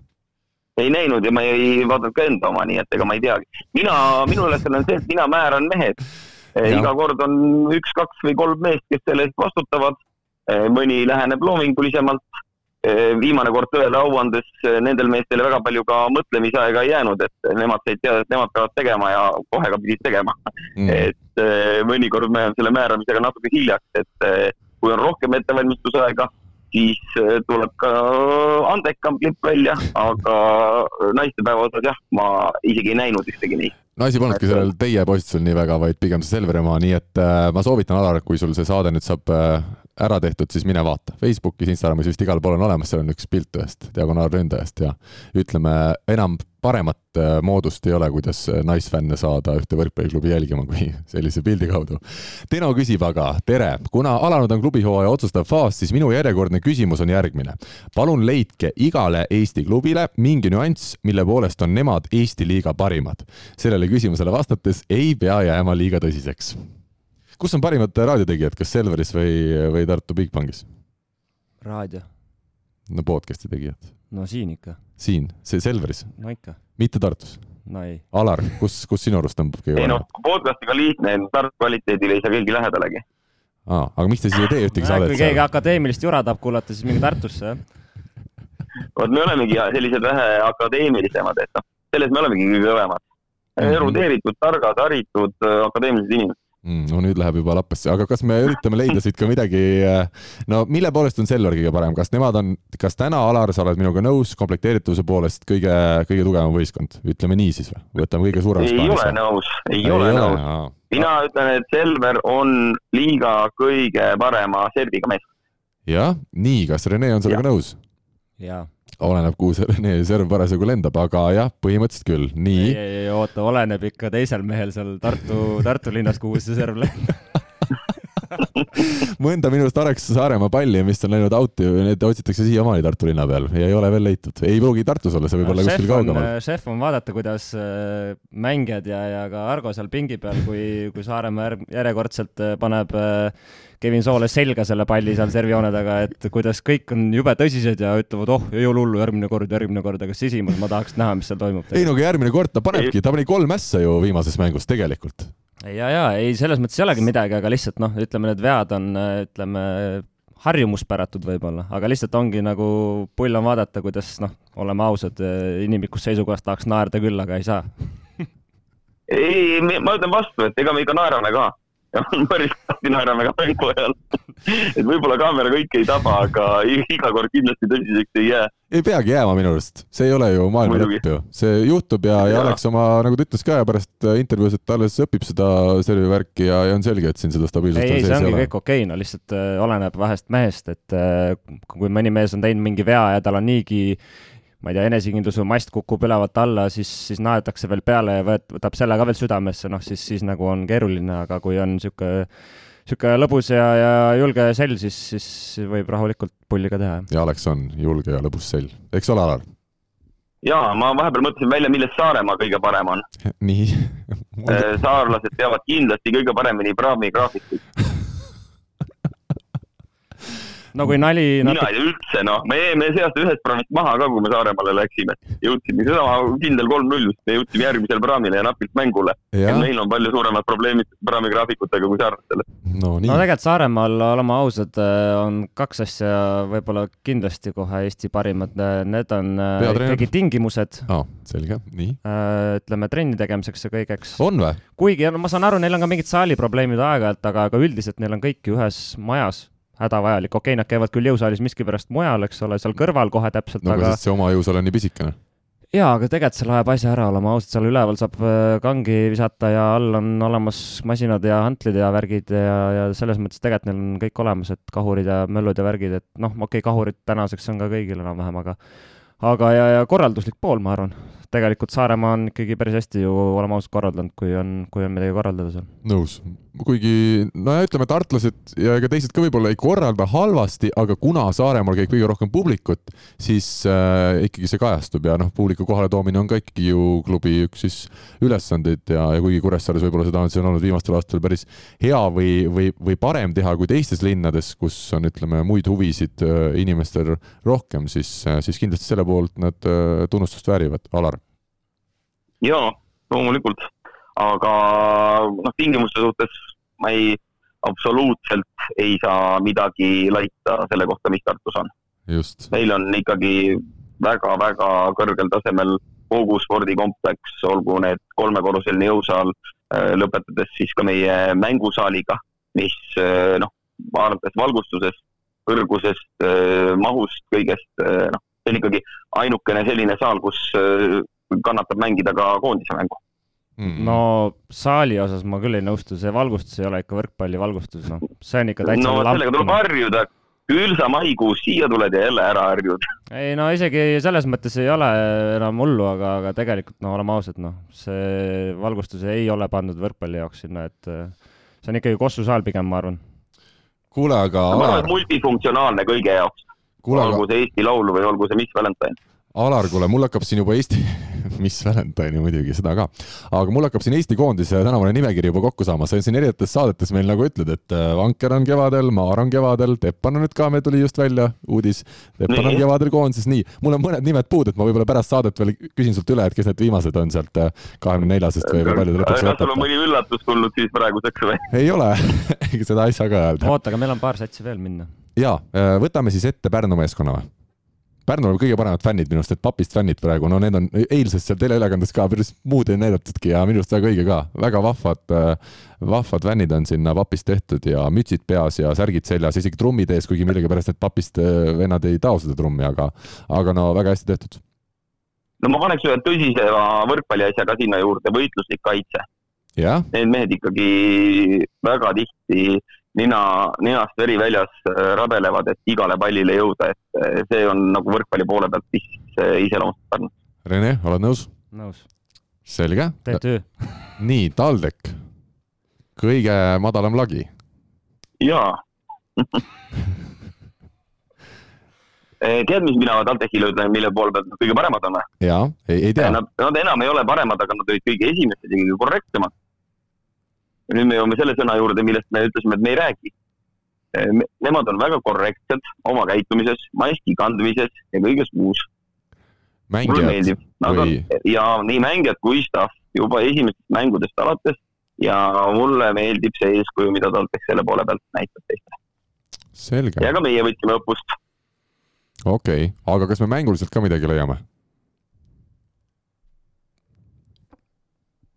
Alar, sul kadus praegu, kadusid praegu laiselt ära. pikk, selle asja nimi oli pikk kandev paus või? Peeto või see Mozarti paus, kummal see Beethoven oli vist pikk paus? tead, aga viimase selle Saaremaa mängu põhjal äh, oleks see, et äh, täitsa huvitavad, julged äh, noored mehed.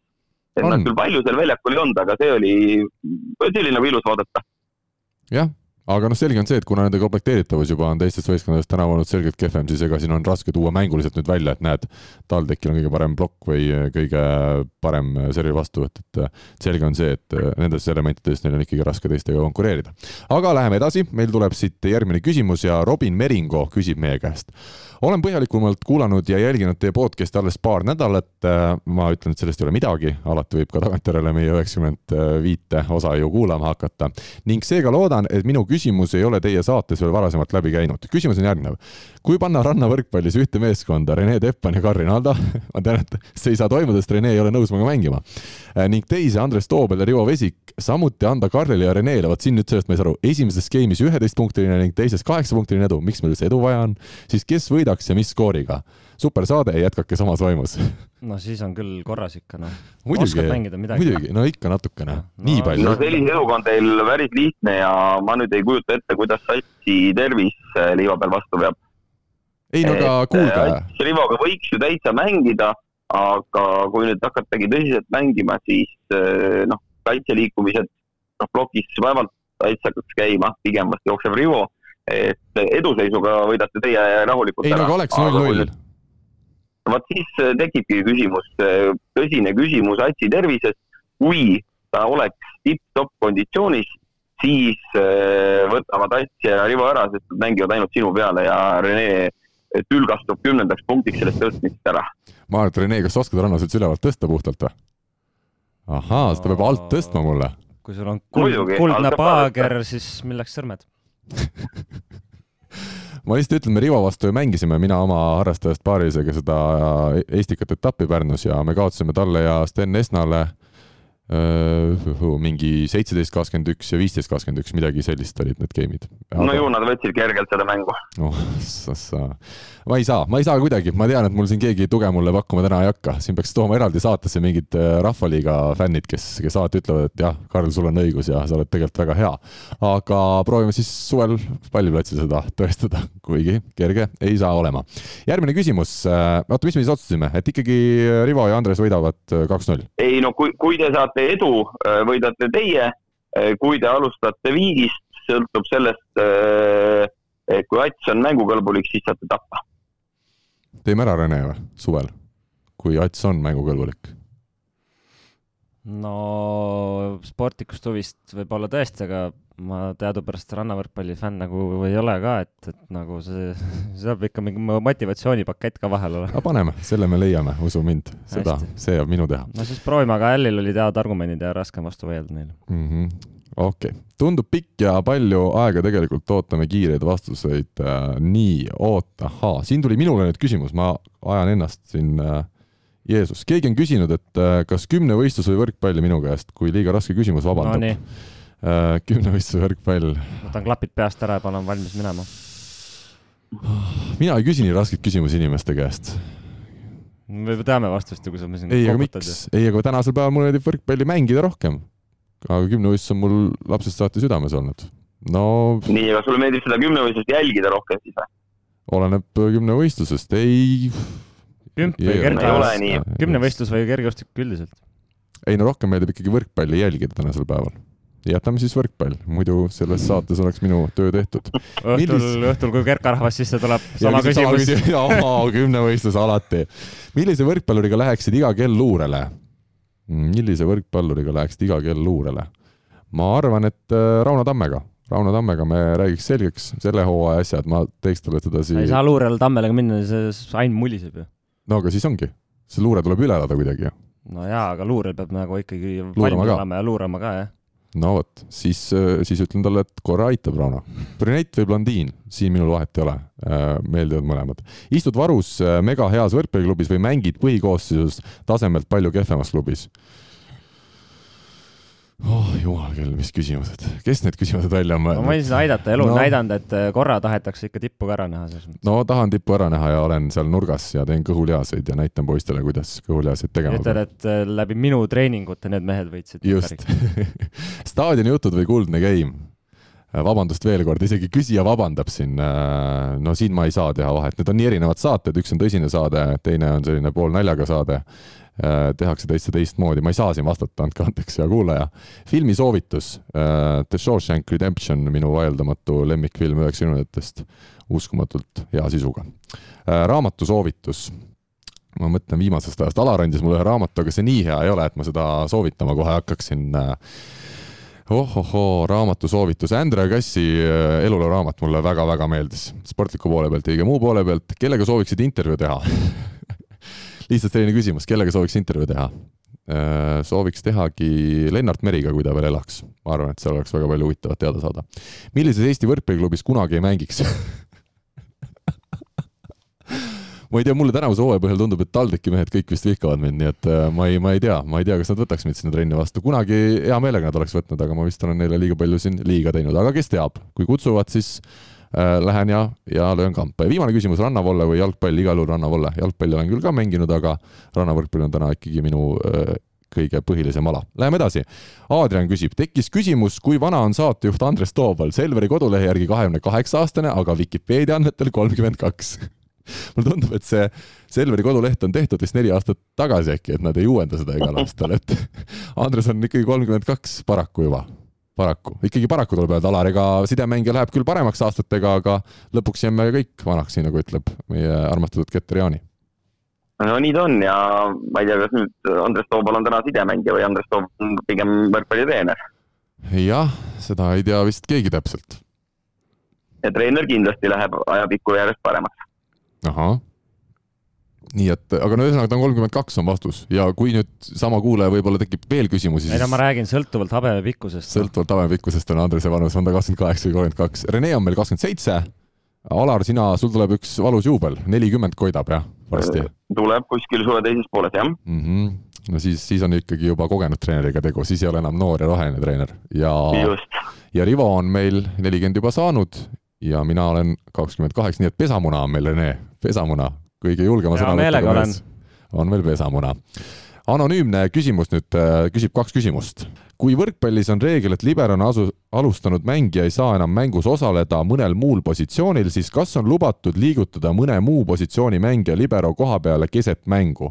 oletame, et näiteks Tartust alustavad mängu liberona Rikberg ja nurgas Kaibald, keset mängu juhtub midagi ja Rait enam mängida ei saa, kas on lubatud Kaibaldil keset mängu libero särk selga tõmmata ja hoopis liberona ülejäänud mängu mängida? Alar, ma tean, sul on siin kohe kindel vastus, ja kiire vastus. vastus on jah, seda on korduvalt tehtud, varem pidi selleks olema põhjus libero vigastus, täna ei pea selleks isegi põhjust olema.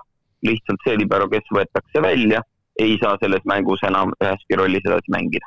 selge, lihtne ja konkreetne vastus. Ja teine küsimus, kui Grade kakskümmend neli meistriliigasse tekiks uus klubi, kuhu kuuluvad nurga siin on jälle natukene seda siis ja meie, meie asja sisse toodud, kuhu kuuluvad nurgaründajad Karin Aldo ja Priit Luik, diagonaalründaja Rene Teppan, keskblokeerijad Rivo Vesik ja Tamar Nassar, sidemängija Andres Toobal ning libero Sten Esna. kas sellisel juhul klubil oleks mingit võimalust medalile jõuda, kui ülesantud mehed on kõik terved, aga puuduvad varumängijad? peatreenerina peate valima oma tiimile kellegi Selveri praegustest mängijatest ning klubile võiksite ka nime mõelda. ma usun, et esiliigas oleks varianti küll esiliigas on, aga meistriliigas jääte viimaseks ja äh, Rene, ma usun, et mingi teise kuu alguses loobub ära viitidega ja ennast edasi aga kuidas me siis mängime, meil niigi neid põhikoosseisu mehi ainult no, on. no täpselt, ja sellepärast te peate viieks edasi mängima. kuule, aga hea küsimus on ju see, peatreener peate valima oma tiimile kellegi Selveri praegustest mängijatest kelle me võtame siis? peatreener või? peatreener peab tulema praegustest Selveri mängijatest mm ohohoo, ma hakkasin kohe mõtlema mm., poiss selle, Oliver Oravat ei saa, ta läheb ülbeks kätte, ta läheb ülbeks kätte. aga seal on päris palju mehi, kes ta tagasi ka toovad kohe kiiresti. jaa, seda küll, seda, aga seal siis on peatreenerite mõte kaob ära, me lükkame. jaa, aga ma mõtlengi, et võiks võtta siukse, keda saab lükata tõmmata. aa, et mõte ongi selles, jah? No, jah, muidu võtaks Ratsa, aga Ratsa paneb teid kõiki paika. jah, see läheb, see läheb karmiks. ei ta paneb midagi nii, aga võtame Mihkel Varblase, ta on minu arust tore poiss, ta on äh, esinduslik, suur, selline jätab äh, soliidse mulje ja samas on selline suhteliselt vaikne, ehk siis Rene saab väljakul teha ikka seda, mis ta tahab. ja ega seal õpetada niikuinii ei ole mõtet, sest mis sa minust õpetad, ega ma, ega minust mingit tippmängijat ei saa ja teised mehed on juba nii kogenud, et oskavad ise mängida. Äh, ja võistkonnale võtaks, äh, võtaks hoopis Haabakoski mina. Nigo Haabakoski, et välismaa treener, niisugune vahva värk. välismaa treener jah, soomlane räägib midagi, mis ta räägib, aru ei saa, vahet ei ole. mina saan mul on see viga. no siis jäta oma teada ja lähme paneme ja klubile võiks nime ka mõelda. Alar, sa oled alati väga selliste kiirete vastustega, kas sa oskad öelda, mis võiks olla meie klubi nimi? hävitaja Te,. Teie klubi on Tallinn... igavene viimane Tallinna häbi, mina mõtlesin, aga igavene viimane. see on küll hea, kui me siis võidu kätte saame, siis kohe peab nime muutma hakkama. Okay. no aga te jääte ikka viimaseks ühe võiduga Alar on nii kriitiline, Alar on nii kriitiline, alati kui minu nimi on kuskil võistkonnas sees, siis on suured kaotused tulemas ja ilmselt ta ka ei eksi. Tõnu Tartust nüüd küsib äh, viimane küsimus siis meil täna rubriigist Kuulaja küsib, pakun teile saates arutlemiseks järgmise väljamõeldud ülesande. kindlasti olete kokku puutunud matemaatika ülesannetega, kus on mingi tehe, milles numbrid on konstruk-, konstrueeritud tikkudest ja lahendajal tuleb üks või kaks tikku selliselt ümber tõsta, et tehtega juhtuks midagi kardinaalset. taandame selle ülesande konteksti Tartu Ülikooli spordihoonesse neljapäeva, neljanda märtsi peale. Eesti meistrivõistluste poolfinaalkohtumisele Tartu Bigbanki ja Pärnu võrkpalliklubi vahel. aeg tardub hetk pärast avavilet ja teie saate ümber tõsta kuni kaks tikku ehk võistkonna liiget, sealhulgas treenerid, statistikud ja nii edasi. selliselt, et mängu tulemus muutuks täpselt vastupidiseks. keda ja kuidas tõsta, või kas on üldse lahendatav ülesanne. PS küsimuse ühe osapoolega seotud temaatika on saanud avalikult niigi liiga palju mittekiitvat arvustust, sealhulgas seoses saatejuhtidega. seega, kui soovite, siis lahendage teise võistluspaari näitel. aga mina usun, me võime siin Tartu-Pärnu näite võtta küll millised siis tikud ära vahetada, ma arvan, et see peaks olema eelkõige vist Renele küsimus, kuna Alar on meil seal teises paaris nagu osaline. kuigi Alar, kui sa tahad, sa võid äh, mingeid tikke kuskil vahetama hakata ei, mina ühtegi enda tikku ära ei anna. nii et kui, kui keegi vahetab, siis on see Rene. nii. Mm, no mis siin ikka keerulist selles mõttes, et eh, noh, natuke tegelikult mõtlemise kohta on, aga aga ma ikkagi, ma Martile ei teeks selles mõttes liiga ja ma ikkagi arvan, et ta, ta ei, ei ole nii kehv mängija, kui, kui ütleme, siin on äh, nagu mulje jäetud või, või kriitikat on kõvasti jälle saanud, et äh, ma ikkagi huvi pärast äh, paneks sealt Tammearu, Hurt paneks Pärnu poole, noh, selgelt nad on ikkagi pigem noh, need kaks ründajõudu täna Tartus, et äh, selle vastu ei vaidle keegi, ma arvan. et, et ma usun, et Albert lööb ka või, või Tammearu löövad ka Marti Tõstet ära selles mõttes, et ja, ja mis, mis ma Pärnu poole pealt, noh siis peaks peakski panema ju nii-öelda, kes on nõrgemaid esitusi teinud, eks ole, et et paneme siis platakse sinnapoole ja, ja, ja Nurkadest no nüüd ongi jah, mõttekoht, ma, võtame rünnaku jõudu veel vähemaks siis natuke, et Taaveti paneme ka sinnapoole. nii, aga mina nüüd ütlen, et siin piisab ühest, ühest käigust. Toomas ei Jasmin no. mina, mina Nii. ütlesin sulle, ütlen sulle kaks käiku, kuidas Oh, oh, kohe okay. asjad ümber keerata. nii, sa võtad ära Tartu meeskonnast Toobali ja Järve ja annad asemele kaks äh, tempot, kes tõstma hakkab, et matemaatika ülesannete puhul tuleb äh, nende tikkude puhul läheneda asjale natukene krutskitega Vaata- ja nii ongi, et Alar on see vend, kes vaata, kui matemaatika need kontrolltööd olid, siis oli küsimus, et leia pildilt üles X ja siis tema tõmbas X-ile ringi ümber ja näitas, et näed, et X on seal ja vastus on käes. aga mina ütlen, et siin Toomas Jasmin äh, abitreenerit siis vahetad ära, Jasmin Tartusse, Meresaar äh, Pärnusse, oma vana koduklubi eest äh, siis särk selga ja Plataksi asemel väljakule ja ma arvan, et plats on puhas. No ühesõnaga, kuulajad said aru, kes nagu normaalset juttu rääkis, kes mitte. Lähme edasi. ma isegi jätan jälle väikse pausi siit, las inimesed ka mõtlevad, saavad selle vastuse enda sees teada ja nüüd läheme siis tänase saate järgmise teema juurde, aga enne veel tuleb meil ikkagi ka nelispordi neljakümne eurone kinkekaart siin anda välja kellelegi. kas Alar, sinul tuleb kohe siit äh, idee, kellele see parim küsimus võiks täna kuuluda? Äh, mulle sisuliselt meeldis, vist oli see kõige esimene, kus harrastussportlane tahtis teada, et kas jõudu on vaja teha ja, ja kuidas ta peaks äh, tegelema võrkpalliga. nii, kas, kas Rene on ka nõus sellega või mulle muidugi meeldis Adriani küsimus, et kui vana on Andres Toobal, et selline lihtne, konkreetne, aga võib-olla tõesti jah, siis see ikkagi natukene edasiviiv küsimus, et äh, no jaa, Või? see, see, mis ütles, kas peab käima või ei pea, ma lihtsalt lisaks võib-olla natuke nii palju, et pigem noh, võiks käia kasvõi austusest öö, kodus oleva naise vastu, et natuke võiks ju trimmis olla, et et anname, anname aga kui aga kui naist ei ole? no siis seda enam on vaja käia, siis, siis aus- austuses potentsiaalse naise ees. täpselt. et üldse nii kaugele jõuda elus. selge, nii et äh, õnnitleme siis äh, Martinit. peaks olema tegu Lõuna-Eesti mehega, palju õnne ja neljakümne eurone nelispordi siis kinkekaart kuulub sinule. meie aga võtame siit nüüd siis ette järgmise teema.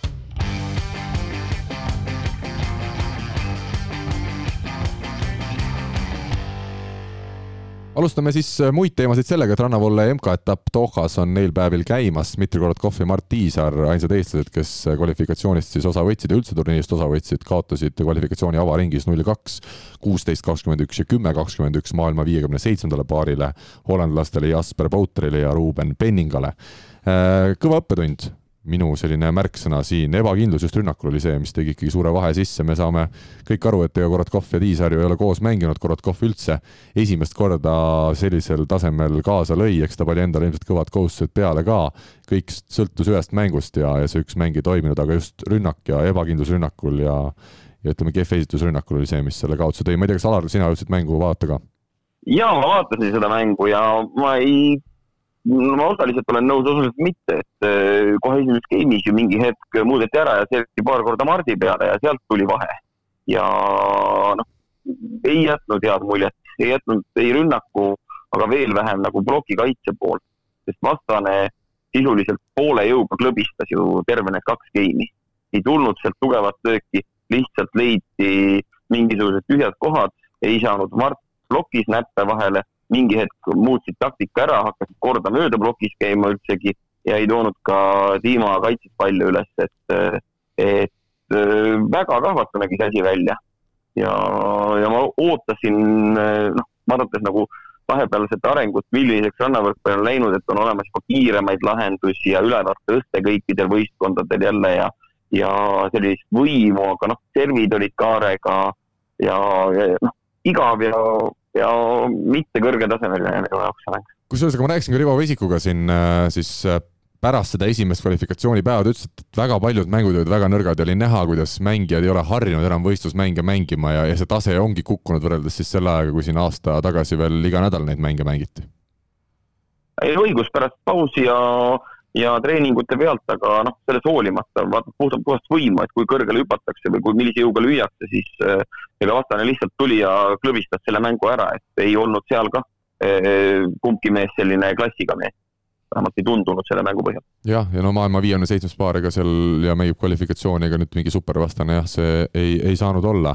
Äh, aga, aga huviga vaatame, mis sellest rannavoole hooajast siis välja tuleb. Rivo ütles ikkagi, et peaks olema Eestil teatud šanss sinna siis olümpiale kvalifikatsioon, kvalif-, kvalifitseeruda läbi selle Äh, valikturniiri, aga, aga see ikkagi eeldab, et, et see mängupilt näeb parem välja ja et nii Nõlvak Tiisar kui ka Lõhmus Korotkov suudavad kevadel hästi mängida, aga kui ikkagi mängu, mängu sellist äh, ütleme, kogemust sisuliselt ei ole ja siis on nagu natukene raske seda hetkel näha, et siin tuleks ikkagi mingeid turniire nüüd mängima saada, aga, aga seda siis ka, et sel nädalal alles need järgnevad turniirid ja see kalender välja tuleb, et kas ja kuidas üldse see rannavoole hooaeg tipptasemel on jätkumas, et siin on palju lahtisi küsimusi, aga, aga loodetavasti siis saame ka nendele mingitel hetkedel juba vastuseid. Alar, ma ei tea, kas sa tahad midagi siin lisada veel või läheme järgmise teema juurde?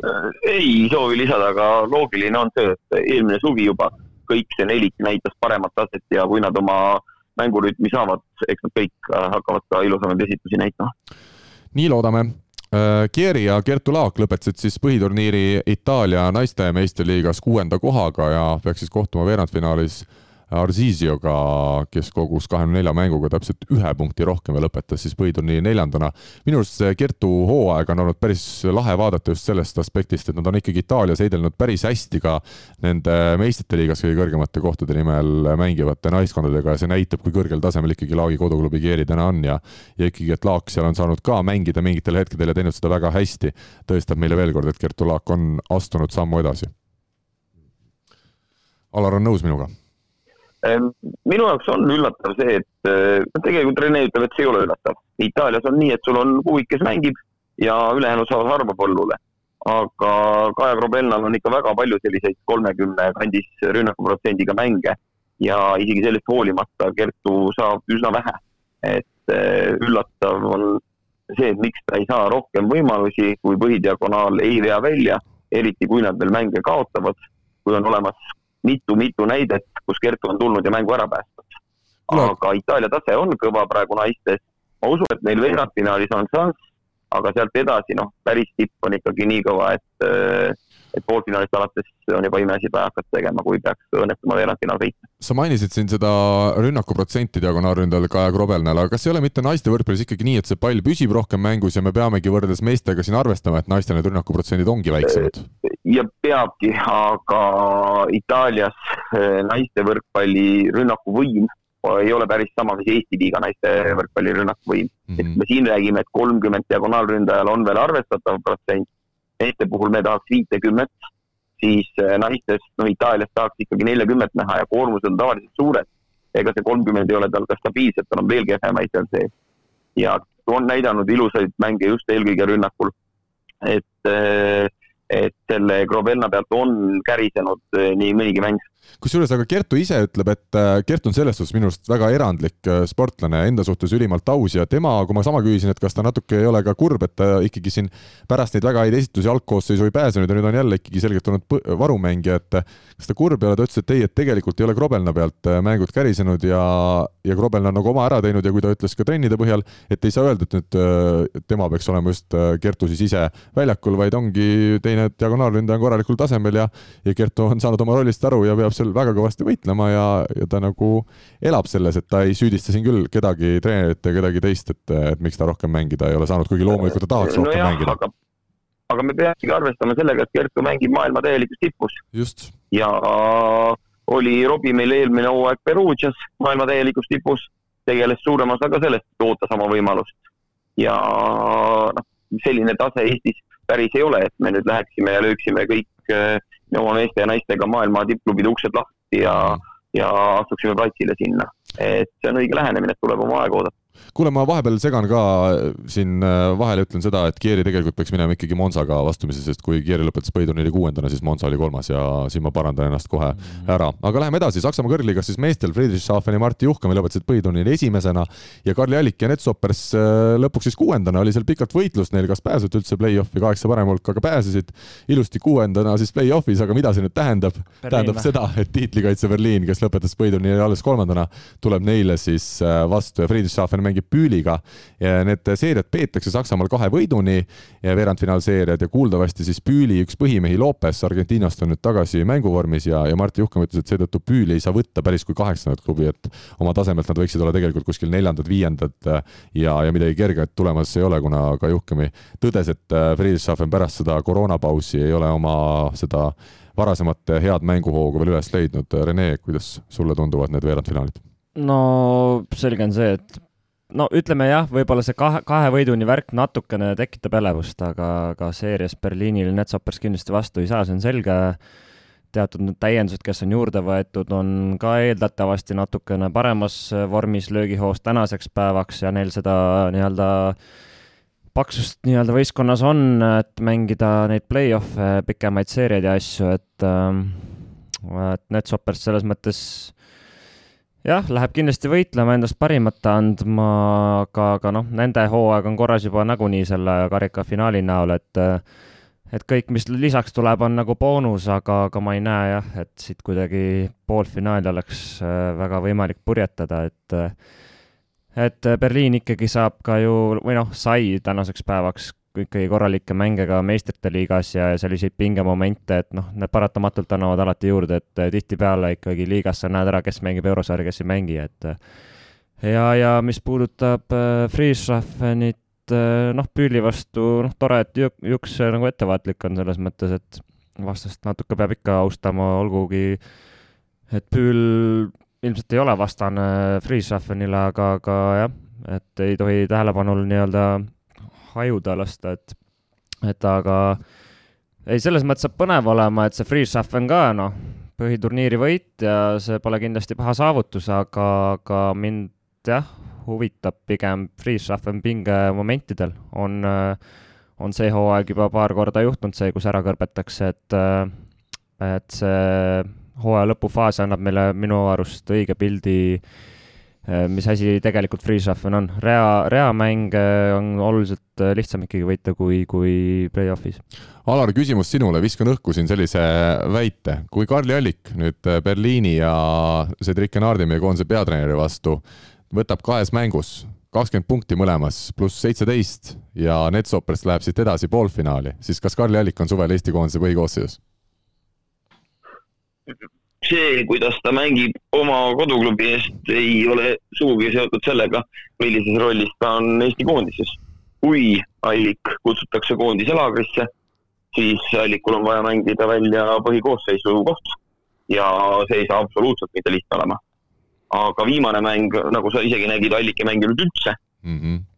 teistpidi oli seal selliseid põnevaid tulemusi, ma ei välista, et keegi otsis vastast just nimelt põhjusel, et kuna kõik meeskonnad sealt esikolmiku järel olid ikkagi väga tihedalt koos, siis otsiti endale veerandfinaal vastast, võib-olla ei mindudki nii väga mänge võitma, just nimelt, et vältida äh, Berliini. Ja lõpuks ma arvan ikkagi, et Saksamaal juhtub klassika, olgugi et karikavõistluste puhul võib üllatusi oodata, siis äh, meistrivõistluste finaalis mängivad omavahel Friedrichshafen ja Berliin.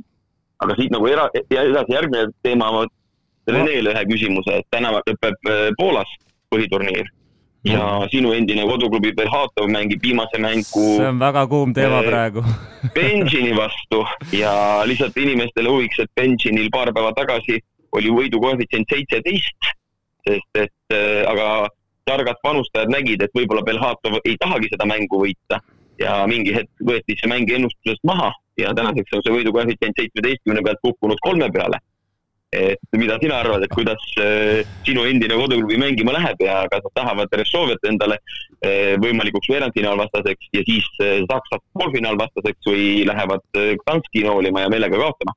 ühesõnaga, Belhatov hetkel siis tabelis kuuendal kohal, kui ainsana siis see üks mäng veel liigas on põhiturniiril pidamata ja Benjin, nagu siis Alar viitas, ei ole sugugi hästi mänginud, täiesti viimasel kohal, seitse punkti vaid kogunud neljateistkümnest siis ja nendel kõik lootused tegelikult edasi pääseda juba ammuilma kadunud nojah, siin on kõvasti arutamist olnud, olen natuke uurinud ka.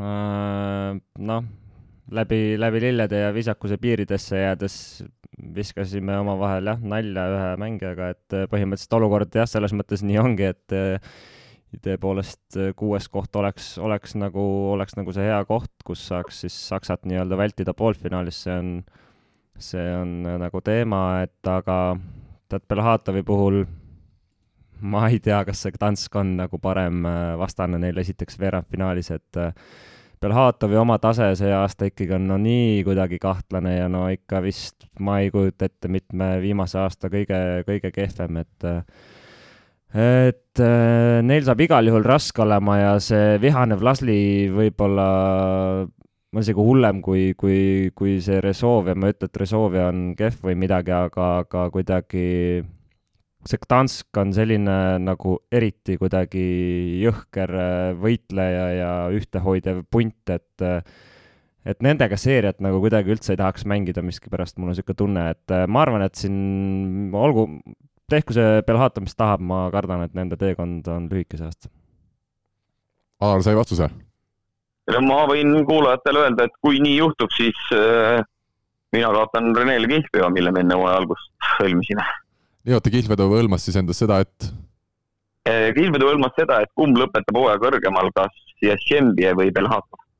ahah, selge, aga meie meestel siis ka viimane mäng äh, ära peeti põhiturniiril, Robert Täht ja Timo Tammemaa Resolvega siis kaotasid viimases voorus üks-kolm Olstinile ja lõpetasid põhiturniiri ikkagi või noh, on lõpetamas siis põhiturniiri neljandana, kuigi nagu siin jutt oli Äh, võib veel muutuda nii mõndagi. Äh, ja no praeguse seisuga siis peaks Resolve tulema Varssav vastu, aga see on kõik tänase seisuga, mil meil on ikkagi teisipäeva keskpäev äh, käsil. huvitav see, et Resolvel, kas nüüd peatreener Alberto Giulianit viimasel mängul ei olnud kohal üldse? ei olnud kohal jah, abitreener, ei, ei teagi, aga teda ei olnud kohal jah. no Resolve jah, kaotas, et äh, eks neil oli niisugune tahtmatult pikk mängupaus ka siin äh, parasjagu selja taga ja Olstin on noh, selles mõttes selline võistkond, kes on äh, noh, ma julgeks väita lati alt ikkagi läbi pannud see hooaeg, aga samas nad on mänginud ka mõned mängud oma nii-öelda eeldatava taseme, mis, mida eeldati hooaja alguses välja ja üks nendest juhtus siis eile, et äh, et äh, ma usun, see Rosova pilt oleks kindlasti lõbusam olnud, äh, kui oleks saanud äh, hea hooga nagu edasi minna, aga see, mis see oli, kaks nädalat vähemalt umbes see paus, et see ei olnud kindlasti kuidagi tervitatav neile ja iseenesest Resovel oli hea hoog sees ja, ja ja jah, null punni, see oli ootamatu, ma arvan, nii mängijatele kui, kui kogu, kogu värgile, et eks ma siin Saaremaale sõites Robile helistan, küsin, mis värk oli, aga, aga kui vaadata nüüd edasi, siis noh ma arvan, et Rezovele ei sobi otseselt ainult Saksa, et ülejäänud on niisugused äh, üsna sarnast äh, stiili mängivad võistkonnad ja ja kui asi läheb võimu peale, siis neil on ikkagi eelised, et äh, võib-olla Jašembi on ka selline, selline ebameeldiv sats vastasele, aga, aga ülejäänutega ma arvan, nad mängivad päris ägedalt Timo siis oli algkoosseisus selles mängus, tõi kaheksa punkti pluss seis, aga Robbie pääses alles kolmandas-neljandas äh, mängus äh, siis väljakule ja kolmandas-neljandas game'is, vabandust, mul siin samal telefon helises, millegipärast see telefon ei toimi, isegi kui paned hääletu peale, ikka ta heliseb. ja, ja Robbie mängis alles kolma, kolmandas-neljandas game'is, mis äh, Rene selle põhjus võis olla, kas sa oled teadlik või? Mm, nagu ma, nagu ma ütlesin, et, nagu ma ütlesin, et ei, ei ole veel rääkinud, et räägime, aga, aga mis seal ikka, ega siis on ju teada, et neil on seal äh, nurgaosakonnas neid valikuid võtta ja, ja ju siis, ma ei tea, tõenäoliselt pakuks, et äh, Sersen siis, ma ei tea, kas äh, treeningperiood ta tegutses hästi või, või või ma ei kujuta ette, äkki ikkagi natuke ikkagi loodavad või ootavad, panevad kaarte ikkagi sinna nagu veel endiselt, et, et aga, aga. Rene, seal on veel üks asi äkki välismaalased, välismaalased ja, ja, ja, Timo ja, tempos ja Tšebuli väljakul, siis neljandat välismaalast lihtsalt ei saanud enam panna. täpselt nii, jah. Nad tegid otsuse, et kaks välismaa tempot on korraga platsil. täpselt nii, jah. selle peale ma kohe ei jah. siis ei maksa arvata, et siis ei olegi ilmselt muud rääkida, jah. et Robbie võiks ikkagi veerandfinaalis olla väljakul, loodame või? ei, aga oota, Sersen on poolakas ju ai, see pull on no, väljakul. tema ongi poolakas sellepärast, et, sul oli Tšebuli, sul oli Tammemaa ja sul ja, oli Tšendrik. õigus, õigus, õigus nii, aga. no siis on sinna maetud see koer ilmselt jah. kas te vaatasite, kes Olstinil äh, käis vahetusest äh, väljakul või? milline meile tuttav no mees? mina usun, et Volanski, sellepärast et. Olstini abitreener helistas mulle siis, kui oli selge, et Volanski on lahkumas, küsis, mis mees on ja kas see sobiks teiseks sideks, sellepärast et nad ei olnud oma teise sidega üldse rahul, neil oli vaja kedagi trenni. mina ütlesin, et noh, et trenniks ta ikka kestab ära, et nii kehv mees ta ei ole ja siis ta sinna Olskinisse maandus, et äh, neil oli huvi, neil oli vaja. mälu ei peta, äkki läks Saksamaale see nende enda eelmine teenistus või kuhugi ta Mm. igatahes ära põgenes. Nendega nad Allikule ei soovinud läks. just Alliku juurde. aga et Volanski ikkagi sellises mängus käib ka väljakul, see minu jaoks natuke ikkagi nagu ei no plokivahetuse mõttes on, tegelikult ei ole üldse üllatav ju, see põhisidemängija ei ole kõige pikem mees ja Mm. mm., ja seal on täitsa loogiline, et niisugune vahetus tehakse. Aga tuletame siis meelde ka, et Volanski jah, mängis hooaja alguses esimese poole Saaremaa võrkpalliklubis, aga kui rahalised probleemid Vaata, tekkisid, mis- siis jaanuari lõpus läks ära. vaata, mis sidet Saaremaal oli, üks on yeah. superliigas Itaalias Padovas, teine paugutab plussliigas. nii et äh, tundub, et see on hea koht, kust, kust minna kuhugi. aga ei no vastupidi, Nii. siin ei saa hakkama, sest Eestis on nii kõrge tase. Siis sa lähedki Itaaliasse ja Poolasse mängima. sedasi, sinna oleme jõudma, jõudnud oma Eesti võrkpalli Just. tasemega ja, ja. ja eestlased siis välismaal teema lõpetuseks, mis on üllatav, mis on üllatav ja kurb, Oliver Vennal ei olnud siis viimase nädala jooksul ühegi karika eest võimalik Kataris mängida. raske nädal. jah, Olku. ja aga tuli juba uus mingi neljas karikas sinna välja, kodulehte vaadates. Aga nii et tuleb neid mitu tükki tuleb, veel no. tuleb, jumal tänatud. ma mõtlen, väheks jääb ikkagi, väheks jääb, väheks jääb, tuleb ikkagi neid juurde, juurde leida neid karikaid ja teha kasvõi mingeid treeningmänge, mille eest karikaid anda. seal ei ole šeikidel pokkeriõhtud nagu härrasmeestel kombeks, seal on karikaõhtud. tullakse kokku, tõmmatakse sigarit, tehakse. annaks üks karikas lauale ja vaataks Jah. mängu. ei, aga selles mõttes ei teagi, mina otseselt enam ei teagi, kaua Olkul seal minna üldse võib või mis värk on, et ei no sinna tuli, kui nüüd uskuda seda infot, et nüüd hakkavad jälle mängima, järjekordne karikas ja siis veel üks karikas, et kaks tiitlit vist peaks veel vähemasti Kataris olema välja mängitav. selge, mm.. aga saate lõpetuseks me saame rääkida ka meistrite liigast. oota, aga oot, oot, oot, oot, aga seal on ju alati maikuus need äh, rahaturniirid ka, et äh, vot see ongi see viimane Emir Cup või mis iganes ah, see jookseb päris päris maikuus. Siis ta peab ju koondises olema juba kas ju. ta hiljaks ei või jääda või? Eh, Neil ei ole praegu välja toodud ajakava, aga ma kunagi Oliveriga rääkisin, see oli päris ammu, siis ta arvas küll, et saab aprilliga läbi igal juhul, et nii pikaks sel aastal seda asja ei jäeta. no vot, loodame mis nii. ajast Olku kavasid üldse vaadanud on? väga no vot tõsiselt, võib-olla, võib-olla ta ennustas kohvipaksu pealt. ma arvan ka. Aga läheme siis meistrite liiga juurde veel lõpetuseks siin saates ka. Saksa läkski edasi, kordusmäng kaotati küll tiitlikaitsjale Lubele null kolm tasavägises mängus, aga kuldne game võideti kuusteist, neliteist. huvitav oli see, et me Selveri siis meeskonnaga, mina olin ka seal sattunud nende bussi, tulin Kuressaarest samal ajal tagasi ja kõik mehed minu arust erinevates bussiosades, kes arvutist, kes äh, telefonist jälgisid seda mängu ja seda põnevat lõppfaasi ja no mulle tundub küll, et kõik olid seal bussis ka õnnelikud, et Saksa edasi sai, et see on üks omamoodi selline tore, tore ikkagi sündmus äh, võrkpallis. no eks niimoodi natuke võikski olla, et äh, võrkpall huvitab ka, ütleme, oma mängu väliselt, eriti, eriti tippvõrkpall, et eks me oleme natukene nöökinud ja tööd ka selle nimel nagu teinud, et et äh, mitte ei mängiks bussis ainult krõpsu ja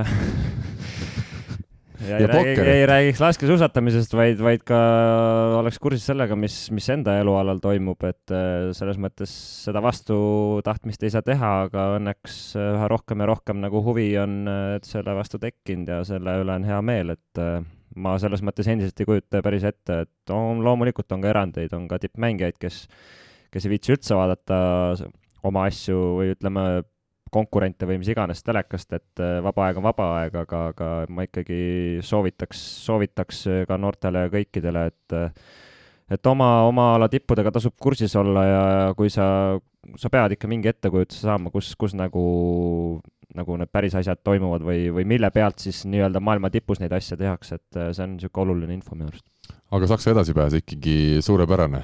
Võtame võtame selle, selle just vaatenurga pealt ikkagi, et mulle jätkuvalt meeldib, et kui Lubes on sisse ostetud sisuliselt Kuuba koondis ja, ja veel mitmed äh, mehed, siis Saksal ju põhimehed on kõik oma poolakad, pane sinna Donjuti juurde, tempomees Schmidt on veel teine legionär kogu võistkonna peale, ülejäänud mehed on poolakad, kes seda mängu veavad, seda on no nagu nüüd sa lahe räägid natuke jah, selles mõttes naljakat juttu nagu, et oi, meil on ka lahe, et meil on eestlased väljakul, aga no Poolas selles mõttes Poola ongi tippude, tippude tipp, et see ongi okei okay,, et neil on poolakad väljakul ja, ja no aga Itaalia on ka tippude tipp, aga näed ei seal ole, Itaaliast räägitakse väga pikalt juba, et eh, kui võtta nelja välismängija piirang seal tõmmata kahe peale kasvõi, siis on katastroof, noh, siis paugu pealt Itaalia kukub kolinal kohe kokku. no aga Itaalia koondis, ma mõtlen ikkagi jätkuvalt Ei on ole. ju, ei ole või? no ikkagi Itaalia koondis on väga õhuke, et õhuke. sa võtad selle esimesed kümme, kaksteist meest, aga ei, ei no võta kaks meest ära. kui meie mängisime Itaaliaga, ja nad, kas, kes see tuli, Antonov või tuli kolmas nurgamees, nad mõtlesid ka, et tundsid ennast mugavalt.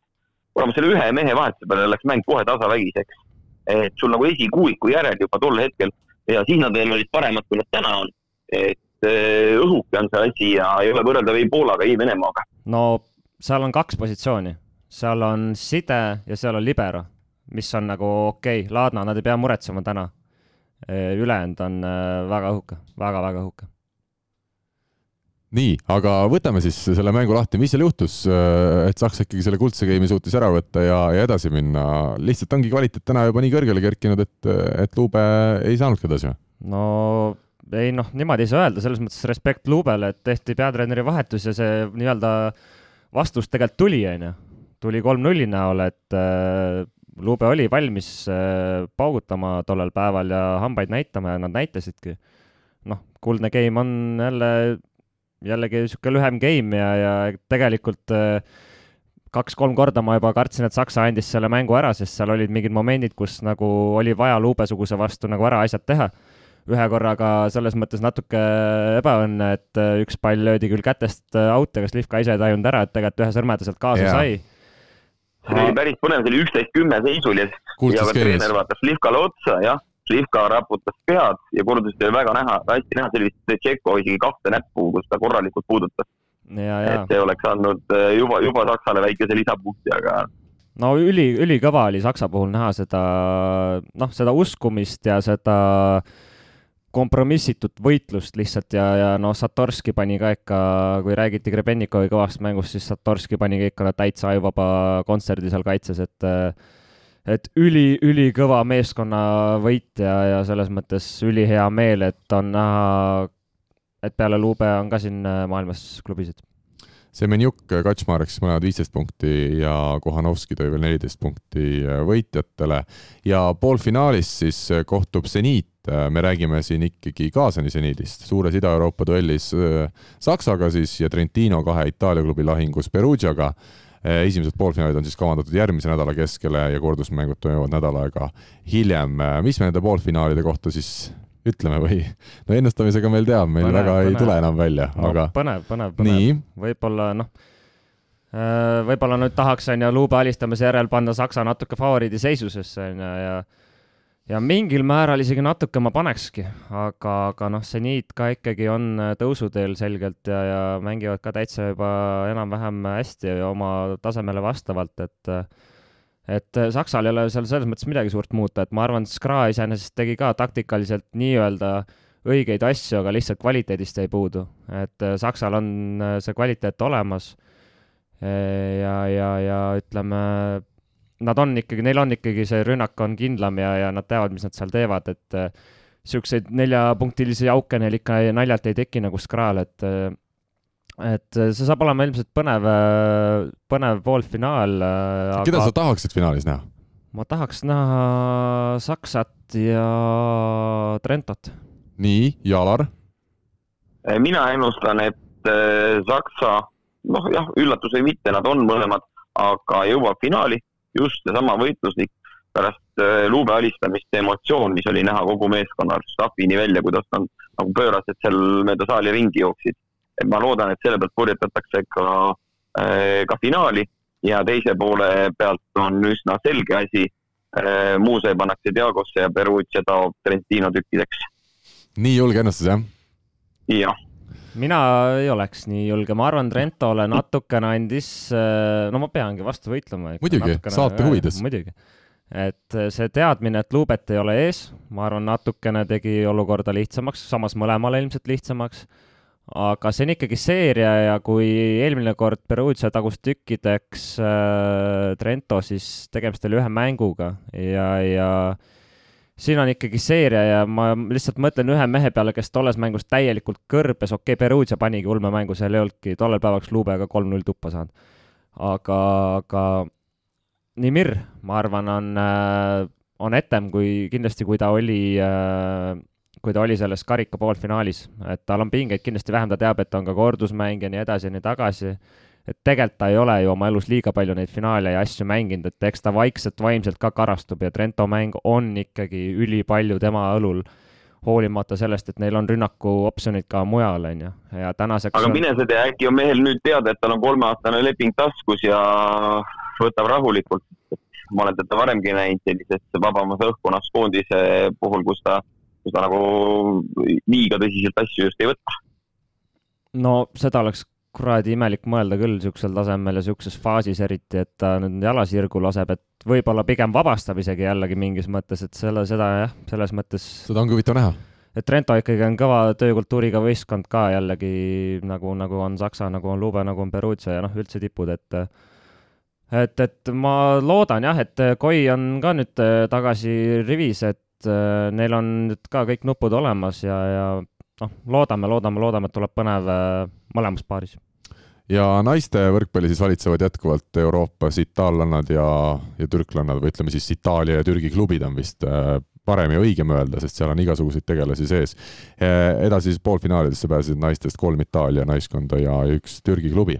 aga meil on aeg saade kokku võtta. Alar, kuidas oli, kas sa kannatasid meid kaks tundi jälle telefoni teel ära? ma ei kujuta üldse ette, ma ei ole kunagi ise telefoni teel mingit saadet teinud, kuidas on, telefon on, ripub sul käe otsas kogu aeg või oled sa mingi juba äh, kavalama lahenduse leidnud? ei, mul on ta käe otsas ja pikutan diivanil, et eh, seis, vahepeal teen paar tiiru toas, aga muidu seistes või istudes eh, ma arvan, väsiks ära, nii et pikutan rahulikult ja lobisen nii nagu sõpradega. kusjuures mingi, mingi uuring on tehtud, kus siis eh, tuli välja, et mida tähtsam kõne seda rohkem inimene liigub telefoniga rääkides ringi, et kui on ikkagi näiteks tööandjaga mingi kõne, siis vaadata inimest videolt on päris naljakas, kuidas ta käib ühest toa otsast teise, arutab, arutab, ise ei saa arugi, mitu kilomeetrit ta võib seal toas läbi käia selle aja jooksul, et Alar, sul siis nii hull no, ei olnud? selge, et see podcast küll nüüd väga tähtis ei ole, sest ma olen ikka üheksakümmend üheksa protsenti lihtsalt diivani pealt pikutanud. Ma ei tea, Hristo Zlatanov mulle Betsensa helistas, ma ei, ka asendit ei vahetanud sa olid nii väsinud võib-olla Selveri trennidest võib-olla ei saanud üldse aru, mis asja. ja Alar, ma saan aru, nüüd kätte on jõudnud meil teisipäev ja kell on saanud kolm, sa panid sauna juba sooja, pärast saadet sa lähed sauna ja võtad sooja teed sinna kõrvale. sooja teed võib-olla lähen kohe tegema, aga saunapäev täna ei ole, et proovime neljapäeval oma asjad ilusasti ära teha ja siis pärast neljapäevast mängu kõlab küll saunaplaanis kas sa juba tead ka, millal Eesti meistrivõistluste finaalseeria peaks algama, on see paika pandud või? järgmise nädala pühapäeval, see on paigas, ükskõik kes seal mängib ja mitu mängu toimub, siis järgmise nädala pühapäeval on esimene finaal. ja paigas ei ole ka siis seda, et kas mängitakse kolme võiduni või? Äh, mängitakse kolme võiduni ah,. kui ei tule mingisuguseid üllatusi, siis nii nagu ka poolfinaalseeriad, samamoodi finaalseeria mängitakse kolme võiduni. kõige hilisemalt võib see lükkuda, kui läheb viie mängu peale aprilli ja hetkeplaaniga siis aprilli teine ja kolmas nädal on need veel pidamata Redic kakskümmend neli Balti liiga mängud ehk siis veerandfinaalid ja Final Four. aga nii.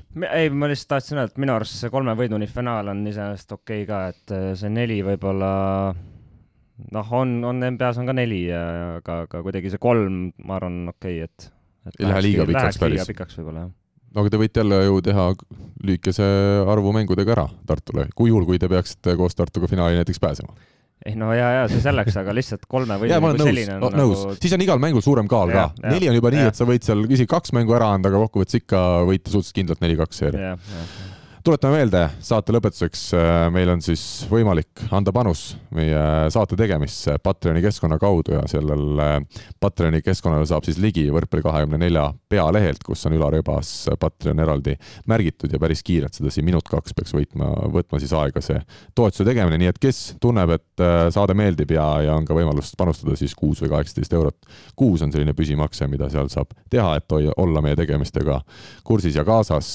ja hetkel siis täname tõesti südamest neid kaheksat inimest, kes on juba otsustanud natukene kaasa lüüa meie tegemistes. aga mina tänan Rened, mina tänan Alarit, loodan, et teil läheb äh, kõik hästi, loodan, et need mängud, mis veel poolfinaalseerias on alles jäänud, tulevad igal juhul põnevad, seda on Eesti võrkpallil laiemalt vaja ja ütlen siis kohtumiseni kõigile kuulajatele juba nädala pärast. aitäh! head aega! Eesti kõige põnevamad podcastid on Delfis, kuula tasku.delfi.ee Mikk-Mikk. ega edu pole jänes, mis seest ära jookseb, ärid on edukad Hammerheadi majades